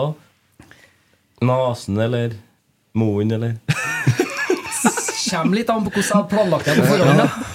Hvor, eh, hvor Har du et tips til deg? Det kunne ha blitt enda mer underholdende. Ja. Det er så Det, det, det er mye, mye luft. Jeg må, jeg må skyte her, da. Jeg har fått melding fra Emil Eide Eriksen. Christer kan gå gjennom og forklare vedtekten til RBK på Norske Talenter. Ja, jeg Hem, hem, hem! ja, ja, jeg gir faen i hvor bli ut. Og, ah, ah, ah. Jeg er på nummer tre nå. Skal videre. Det har blitt sånn Tre kjappe x-er rett ut. Ja, neste spørsmål, Tommy. Uh, skal vi se her, da Skal vi se. Jeg Er Tor Georg. Er RBK friskmeldt nå? Kan vi se oppover på tabellen? Hvilken plassering er innen realistisk rekkevidde? Har du vært inne på noe av det? Jeg kan jo ikke si at vi er friskmeldt. Nei. Vi er langt ifra friskmeldt. Gått fra 42 til 41 i feber? Ja, 40,5 kanskje. Ja. Ja, 40,5. Vi kan se oppover på tabellen, ja. Det kan vi gjøre. Eh, For det er overkommelig motstand vi har de neste kampene. Skal ikke avslutte den betennelsesdempende kuren helt Nei, ennå. må ikke gi, gi seg med Voltaren. nei. kan være lurt Det å må gå ut kulen. Det må Ja. alltid være sånn. Ja, det, så det er om å ikke drikke når du går på antibiotika, har jeg funnet ut. For da Ja. må du bare starte på nytt igjen. Ja, ja. Ja. Nei, eh, Ikke friskmeldt. Ikke friskmeldt, men kanskje oppover på tabellen. Ja. Ja, så må vi glede oss over tre poeng. Det må vi. Ja, ja, alltid. deilige tre Alltid poeng. Så det alltid, smaker alltid godt med tre poeng. Og Han spør jo hvilken plassering som er innenfor realistisk rekkevidde, også, men det er faen meg Ja, er vanskelig å ha halvspilt, plass. bare. Fra, Altså. fra fire til ti, liksom. Det, det er helt avhengig av hva som skjer framover nå. Hvordan vi klarer å sette, om vi klarer å få til et, et godt etanglert Etablert et, Etablert spill framover òg. Ja. Ja, vi eh, Takker klatrer mot to timer snart. Men det, det, som er, det vi kan ta med oss i dag, bortsett fra poengene, det er at vi vinner kampen fullt fortjent. Ja. Og det er et godt skritt i riktig retning. Og det er mot et lag som har vært fryktelig gjerrig og sluppet det veldig lite. Både mål og motsats Absolutt. Skal vi ta med oss noen flere spørsmål fra Twitter? Ja, kjør. Skal kjør. kjør. Uh, det er noen spørsmål på pressbildene våre her. Uh, uh, ja, det har vi vært innom, tror jeg. Ja, eh, men så har vi da uh, Nettrollet. Kanskje, nei, for at han spør om en Eide Eriksen. Han. Ja, men bare ta det. Kanskje Ja. dette er noe Eide Eriksen kan finne ut fra benken i dag? Gaute Helstrup. Øves det mer på formasjon enn vanlig? Hvorfor trener ikke RBK én til to ekstra treninger i uka når det er krisesituasjon og trenerskifte? Jeg vet ikke om det har så fryktelig stor effekt da, å trene ekstra. Eh, fordi at eh, man kan alltids uh, sikkert trene mer og hardere og alt det der, men så det handler jo litt om det å samle overskudd og faktisk uh, få kobla hodet litt. Det det er jo vært snakka om i hele år. Jeg tror det sitter like mye mellom ørene på spillerne som det nødvendigvis er fysisk. For at hvis de klarer å treffe med presset, hvis de klarer å ta vare på ball, hvis de klarer på en måte å, å styre kampene, være sjef, så tror jeg ikke vi kommer til å se like slitne ut. For det, for det gir energi å ha ball. Og det tar energi å fære og springe som en hva du kalte det i stad, harrahund eh, imellom eh, og jakte ball hele tida hele tida føle at du er på etterskudd. Så jeg, jeg, tror ikke, jeg tror det er for enkelt å si at vi nødvendigvis er dårlig trent, men jeg, men jeg er Altså Ole Sæter, nettopp kommet tilbake fra skade. Carlo Holse var ute lenge. Olav Skarsheim har vært ute lenge. Leo Kornic har knapt spilt fotball. Eh, Adrian Pereira har òg vært veldig mye ut og inn av laget. Nypene har vært litt småskada. Så det er mye Santer i òg. Eh, så det, det er mange spillere her nå som skal, skal toppe formen. Og så er det jo klart at hvis vi klarer å vinne de kampene her nå med litt sånn manglende formtopp, så blir det jo en veldig artig høst, da. Tenker jeg. Men vi må evne å, å torre å holde mer eh, ball i laget, og så være eh, Og da, da tror jeg vi kommer til å se bedre trent ut. Bra, Tommy. Bra. Og så ja, så kan du ta Ålesund, da som har Helt gira opp treningsintensiteten og dobla øktene. Grisebank på hjemmebane i dag. De. Taper 3-0 mot Odda. Yes. Det er en kjempeskrill, Ja, faktisk. og, og, Og og så er det noe med å bygge litt overskudd, som du sier, Tommy. Det tror ikke jeg du skal undervurdere. Du må heller ha færre økter med god kvalitet, Mm. og ha økta med så god kvalitet at du har et kjempeutbytte. Så får du heller bruk da, tid på å restituere. Skap et overskudd, bygg en kampform nå framme, for nå kommer det tette matcher. Da må vi ha spillere som kan være med og bidra. Vi kan ikke ha folk som hangler og er overtrent og er i kjelleren. Altså. Og det det, går ikke. og det mentale, da. Ja. Med at uh, vi tross alt vinner i dag. Ja. Det skjer det Ålesund-laget som snakka om. Vi tapte jo i Ålesund. Vi burde, det var vi burde ha vunnet. Men det sitter jo voldsomt mye mellom ørene. Men jeg synes, når vi snakker om det mentale jeg syns Trond er god i dag. da Ja. For jeg legger merke til at han ofte direkte kommuniserer med spillerne og viser med kroppen hvordan han ønsker, jf. det du skri, sier om, eh, om treningene. da Så gjør han det også i kampsituasjoner og går inn og korrigerer hele veien underveis. Han overlater ikke ansvaret til spillerne sjøl, men han går direkte inn og detaljstyrer. Og det liker jeg. Det vil jeg se mer av, for da vil vi få mer framgang òg. Da vil vi gjøre riktige valg mye oftere òg. Og så sier du noe om det, det, det der med at det er forløsende energimessig, det å skape gode opplevelser. Eh, både på det fysiske og det mentale nivået, som du også sier, Christer.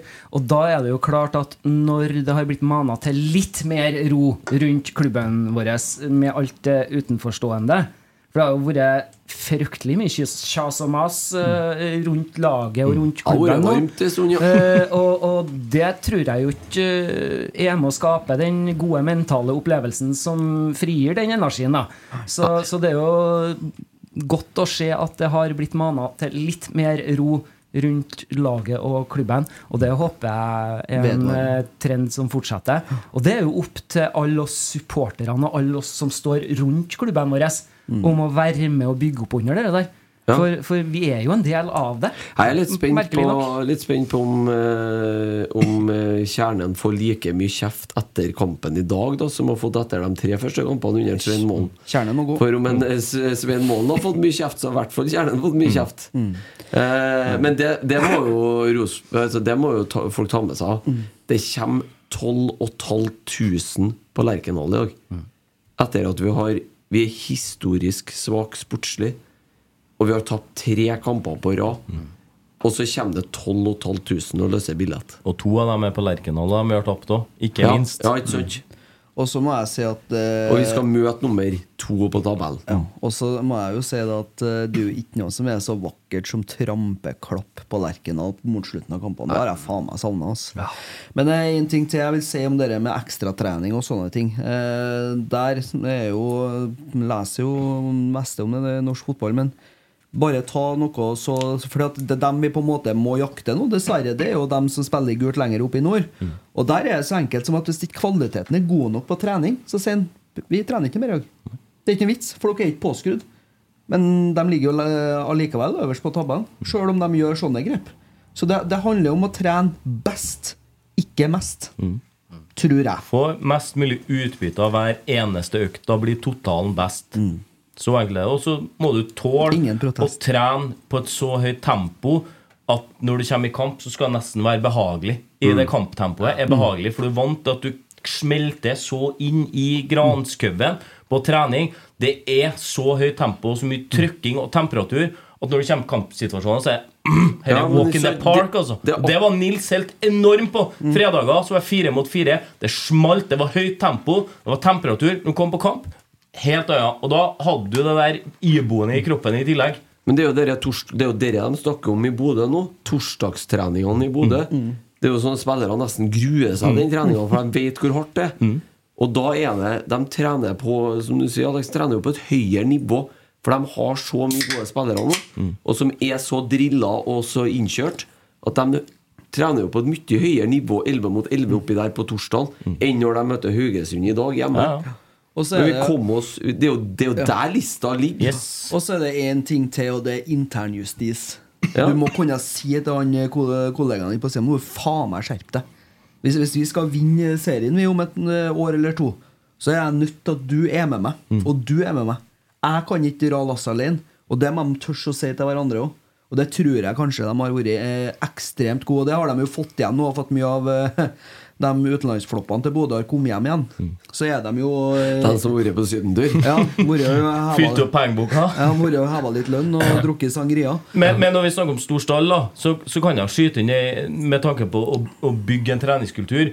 Så har du mer enn 11 pluss 11 i stallen din, og det er ikke bra. Fordi du vil alltid holde noen utenfor, vil få rotasjon. Da er det likere å hente inn sultne juniorer for å fylle opp 11 mot 11, som henger i tauene og ikke klarer å henge med på tempoet. Det er mye sunnere det enn at vi har så mange at noen må kjøre rehab og avslutning, og det er fordi at vi klarer ikke å fylle opp. Nei, for det er jo det, For de har så mange. men det er jo det som ligger egentlig i sportsplanen til Yes. Rosenborg, at du skal ha de fire hospitantene der til enhver tid. Og så er det jo ikke sånn Hvis at du har tre hospitanter som er gode nok, som holder nivået, så henter du jo ikke inn en fjerdemann som ikke holder nivået. Det er jo, ikke, det er jo så rigid er det jo ikke.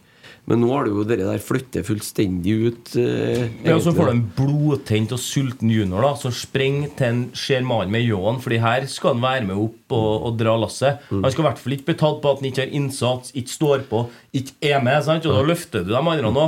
For en, en spiller som en André Hansen vil ikke at en jypling skal drive og sette kassa på han hele tida. Det, det kommer ikke han til å akseptere. Og da skaper det en god indrejustis der. også, sant? Hvis en Sverre Nypan driver og drar av en Sam Rogers hver gang, så vil det jo eksplodere til slutt. Sant? En 17-åring som driver og kjører karuseller med. Det finner jeg ikke i til slutt. Og da, da bygger det opp en treningskultur, en, en iver der som vi trenger. altså. Da må vi få ned troppsstørrelsen, og det er ganske kjapt. Jeg er enig. Eh, Det er et eh, Twitter-spørsmål til vi må ta med oss eh, fra Magnus Henseth. Har egentlig grunnspillet til Rosenborg noen gang vært svakere? Vi skal spille med en sekser, anker, som vi aldri tør å spille på. Hansen slår av langt mot en ensom Ole. Personlig så savner en 3-5-2. Da hadde vi flere alternativ i oppbyggende spill. Tanker om det her? Christer, vil du at jeg skal begynne? Ja. Jeg syns Santri er mye mer påkobla i det offensive spillet i dag da enn han har vært tidligere. Eh, I dag tør vi å bruke den. Hansen slår vel nesten ikke en langpasning. Det er noen få ganger der vi prøver korte utspillsvarianter når vi blir stressa av å slå langt. Ellers så syns ikke André slår noe mye lange baller i dag. Fortsatt problem med at indreløperne er for høye. Vi klarer ikke å skape rettvendte bevegelser der indreløper drar med seg ball. Backene våre så jo, eh, jf. det jeg sa om Pereira, da hvis du ser på de gulene i nord, da så spiller de en 2-7-1-formasjon når de har ball. Backene stuper framover. Midtstopperne har plass til å føre ball. De har alltid, Når du har sju spillere foran deg, sju-åtte spillere foran deg, så har du alltid et ballalternativ. Indreløperne er tålmodige nok. Det tror jeg Svein og de holder på å mane om nå. Det ser du tidvis når Bjørlo kommer inn. Da knekker vi noen koder. Vi får til å spille mellomrom. Vi får til å angripe mot også etablert. Det gjør vi. Vi driver ikke og kontrer sjansene i dag. Vi skaper sjanser i etablert fase. Det har ikke vi gjort på en stund. Det syns jeg er, er noen steg i riktig retning. Så er vi milevis unna det nivået vi bør være på. Men vi bygger stein for stein, og så må vi heller evaluere om et halvt år. Hvor er vi? Hvor skal vi? Det er vel så viktig. Hvor skal vi? Hvor skal klubben? Hva vil vi med Rosenborg ballklubb? Jeg føler jo at den retninga er jo satt nå. Ja, men hvem skal inn? Ja, det, Hvordan det skal vi gjøre det? Sant? Men det, det, skal ikke, det skal ikke avvike veldig mye fra det vi kaller. Rosenborg-filosofien da. i 2024. Om det blir med Svein Målen eller noen andre, det vil jo tida vise. Mm. Det er jo litt som vi snakka om før kampen nå, at Rosenborg eh, må bli med, altså skal, må, eh, bør bli en mer systemstyrt klubb kontra et ansiktsstyrt klubb. Eh, og, og det er nok den arven etter Nils vi har slitt med å forvalte, fordi at vi har vært veldig ansiktsstyrt egentlig siden han ga seg. For at det har på en måte hele tida vært standard. sant? Og det, det er klart at sånne trenere som Nils Arne, de, de vokser ikke på trær, de. De, de dukker ikke på en måte de, Det er ikke sånn Ja, Nils får, ja. ja men da setter vi deg der, så blir det akkurat likevel. Det blir ikke sånn.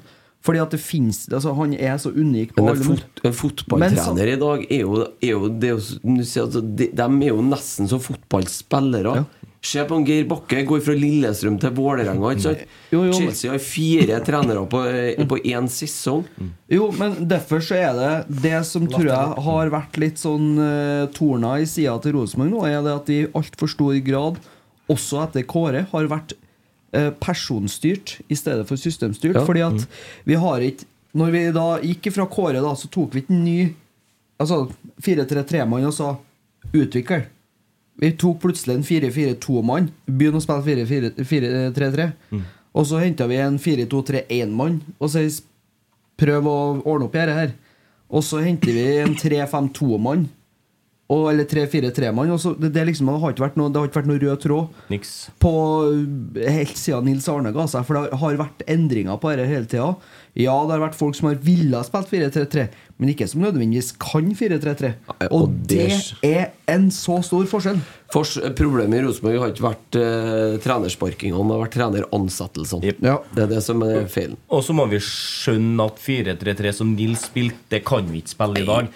Det, fotball har utvikla seg så mange hakk at å ta en blåkopi av Nils Arne ville ikke ha fungert i dag. Men prinsippene med å skape overtall, samstemte bevegelser, rettvendt, alt det her, selvfølgelig står seg, men du må gjøre det på en annen måte. Ja, sånn som en Kjetil Knutsen har gjort lamme Åsmund Bjørkan, Ørjan Berg og Runar Berg oppe i eh, Nord-Norge. Ja. Og Dessverre. Kalvenes. Ja. Ikke Ja, glem en Kalvenes oppi det Ja. her. Nei, Morten Kalvenes. Morten, Morten. Ja. Kristian Kalvenes er sports... Han er daglig leder i Brann. Ja. Mm, mm, mm, mm. Nei, jeg, jeg tror vi må bare Jeg savner ikke 3-5-2. Jeg syns det var dritkjedelig. Jeg innrømmer glatt. Jeg synes det var dritkjedelig Jeg vil mye heller ha det vi prøver på nå. Sjøl om jeg ikke har vært blitt blåst av banen de fire første kampene til Svein. Langt ifra. Men jeg tror vi er i ferd med å bygge noe som kan bli mer spennende enn det jeg syns 3-5-2 har vært. Ja, og Det er min mening. Det er akkurat det samme meninga har jeg òg, og det begrunner jeg i det at eh, når du prøver å bygge et fotballag som vil do- dominere kampene, som har lyst til å sette tempoet, som eh, ønsker Som går Som har det ønsket om at vi eh, skal Altså De andre må ta hensyn til oss, ikke motsatt. Mm, Eh, og. Det er det Rosenborg jeg, vil ident jeg identifiserer meg med. Mm. Det Ro- Rosenborg-laget uh, som vi ser på banen i dag, i perioder Ja, i store perioder, nei. Mm. Men, men jeg ser hva de prøver på. Og det er jo det, klubb, det, er jo det som er klubben og laget mitt. Ja, sant Fordi at det er en så viktig del av identiteten til både meg og veldig, veldig mange andre òg. Så jeg er helt enig med Larsen. Og så tror jeg toppnivået Hvis du skal bli en Hvis du skal bli best, da Hvis du skal vinne Og det må jo Og da sier ikke jeg at vi skal vinne gull i 24, altså. Eller ta bronse i 23. Men hvis du en gang framme der igjen skal bli best, og det må jo være målsettinga i Rosenborg at du skal tilbake til toppen For den dagen du ikke har den iboende målsettinga at du skal vinne og bli best i Norge igjen, så kan du bare legge ned klubben. Men, men skal vi drive og budsjettere med andreplass, da? Skal vi kanskje begynne å Nei, stikke det er fingeren i jorda det er et og si at vet du hva, nå skal vi ha nøkternhet? Vi skal, Ja. vi skal begynne på nytt. Ja. Vi, vi kan ikke tro at vi er så overlegen i norsk eliteserie at vi kan bare kline på med andreplass. og er For det har vist seg at vi ikke er. Ja, Glimt budsjetterer med fjerdeplass, da og så har jo de en artig måte å drive butikken på, da, med litt på AS på sida, sånn, så det, det er jo ikke sammenlignbart med oss. Men, men den målsettinga om å bli best igjen Skal du bli det, så må du bygge et fotballag som spiller den type dominerende fotball, tror jeg. Ja, det viser all statistikk fra ut i Europa. Ja, og Skal du klare å tiltrekke deg spennende spillere som har lyst til å være med og utvikle seg, så må du også ha en, en sånn type fotball som gjør at de kan vise seg frem i det internasjonale vinduet. Altså, Målsetting og budsjettering er to vidt forskjellige Det er det. ting. Yes, helt enig. Ganske enkelt. Ja. Eh, skal vi rette snuten litt fremover? Eh, om ei uke skal vi til Drammen. Og hvordan skal folk fære dit, Christer? Det gjør de med å gå inn på kjernen.com. Under fanen turer så ligger det turer til salgs der. Godset borte Østlandet på sommerstid bruker å bli veldig godt besøkt, som regel. Eh, Jeg tror ikke det her er noe eh, Hva heter det for noe? Det er ikke noe Walk in the park? Nei. Nei, nå svarte jeg helt jernteppe her. Jeg, tror, jeg, for å si det sånn, jeg tror det blir det denne gangen òg. Ja. Ja, på noen annen måte. Utsolgt? Eh, kan fort bli utsolgt bortefelt i Drammen, ja. Det var det i fjor i hvert fall, og nå er det jo Nå har vi jo en seier og litt fornyet optimisme kanskje i tillegg, så Det er jo ofte turene som teller, og så håper jeg at eh, det, så dem, dem som reiser nedover, eh, slipper å synge det samme som eh, to, eh, to herremenn fra Drammen sang en gang. Eh, når du tar eh, toget til Oslo og ender opp i Uddevalla, fylla har skylda. Jeg syns med det Eriksen jeg tar det som en tur. Så det. Nei, men uh, inn og kjøp dere uh, busstur til Drammen og fær og støtt laget vårt. Er, er du nå på ferie på Østlandet, så er det bare å ta turen, da. Ja. Billetter ligger det på link til på rbk.no. Det gjør det. Og med det samme du er inne på rbk.no, så må du for fankeren ikke glemme å kjøpe billetter til hjemmekampen mot Odd 30. Nei, Det er jo viktig. Kjempeviktig. Da- Det, det er nå vi må stå bak her. Jeg møtte en kompis jeg ikke har truffet på lenge, hadde med seg gutten sin. Så jeg, det er artig å se der. Ja, det er jo nå vi må vise fram at vi virkelig skal stille opp for klubben vår. Jeg synes det var, var kult å høre. Det samme jeg har tenkt òg. For flere som Åh, gidder å ta med dattera på dette. Ja, selvfølgelig. Det er nå vi må møte opp. Når det går bra, så kommer det av seg sjøl. Det er nå i motbakke vi virkelig må stå sammen. Jeg tenk, tenker jeg da, Hvis du sitter der nå på Lerkendal gi gått skikkelig drit i år Vi har uh, samla på femte- og fjerdeplasser et par år. Ja, Vi ble nummer tre i fjor, så vi får spille Europa igjen i år. Men gått litt sånn skikkelig ned, da. Og vært vondt å være supporter. Vi er jo ikke vant til det her. Tenk dere hvor deilig det blir å vinne det gullet igjen. En gang i framtida. Herregud, det kan være første gang på mange år det faktisk er folk ute og feirer et seriegull i Trondheim. Jo, men jeg tror ja, jo det sant, For at nå, nå må faktisk vi kjenne på det. Brann og Molde og Vålerenga og Strømsgodset, Stabæk Eh, Bodø, alle de de har jo drevet rykka ned og styra og vunnet ett seriegull, og poff, så var de borte. Vi har jo faen meg skapet fullt, men eh, vi har vært forbanna på femteplasser. Vi har vært forbanna på fjerdeplasser. Småirritert på den tredjeplassen i fjor òg, for det var egentlig ikke bra nok, det heller. Og så går det skikkelig på tverka i år. Selvfølgelig blir det jævla artig da, hvis du er, sitter på plassen din på Lerkendal og bare biter i deg nå, støtter guttene, så blir det meget deilig den dagen det snur.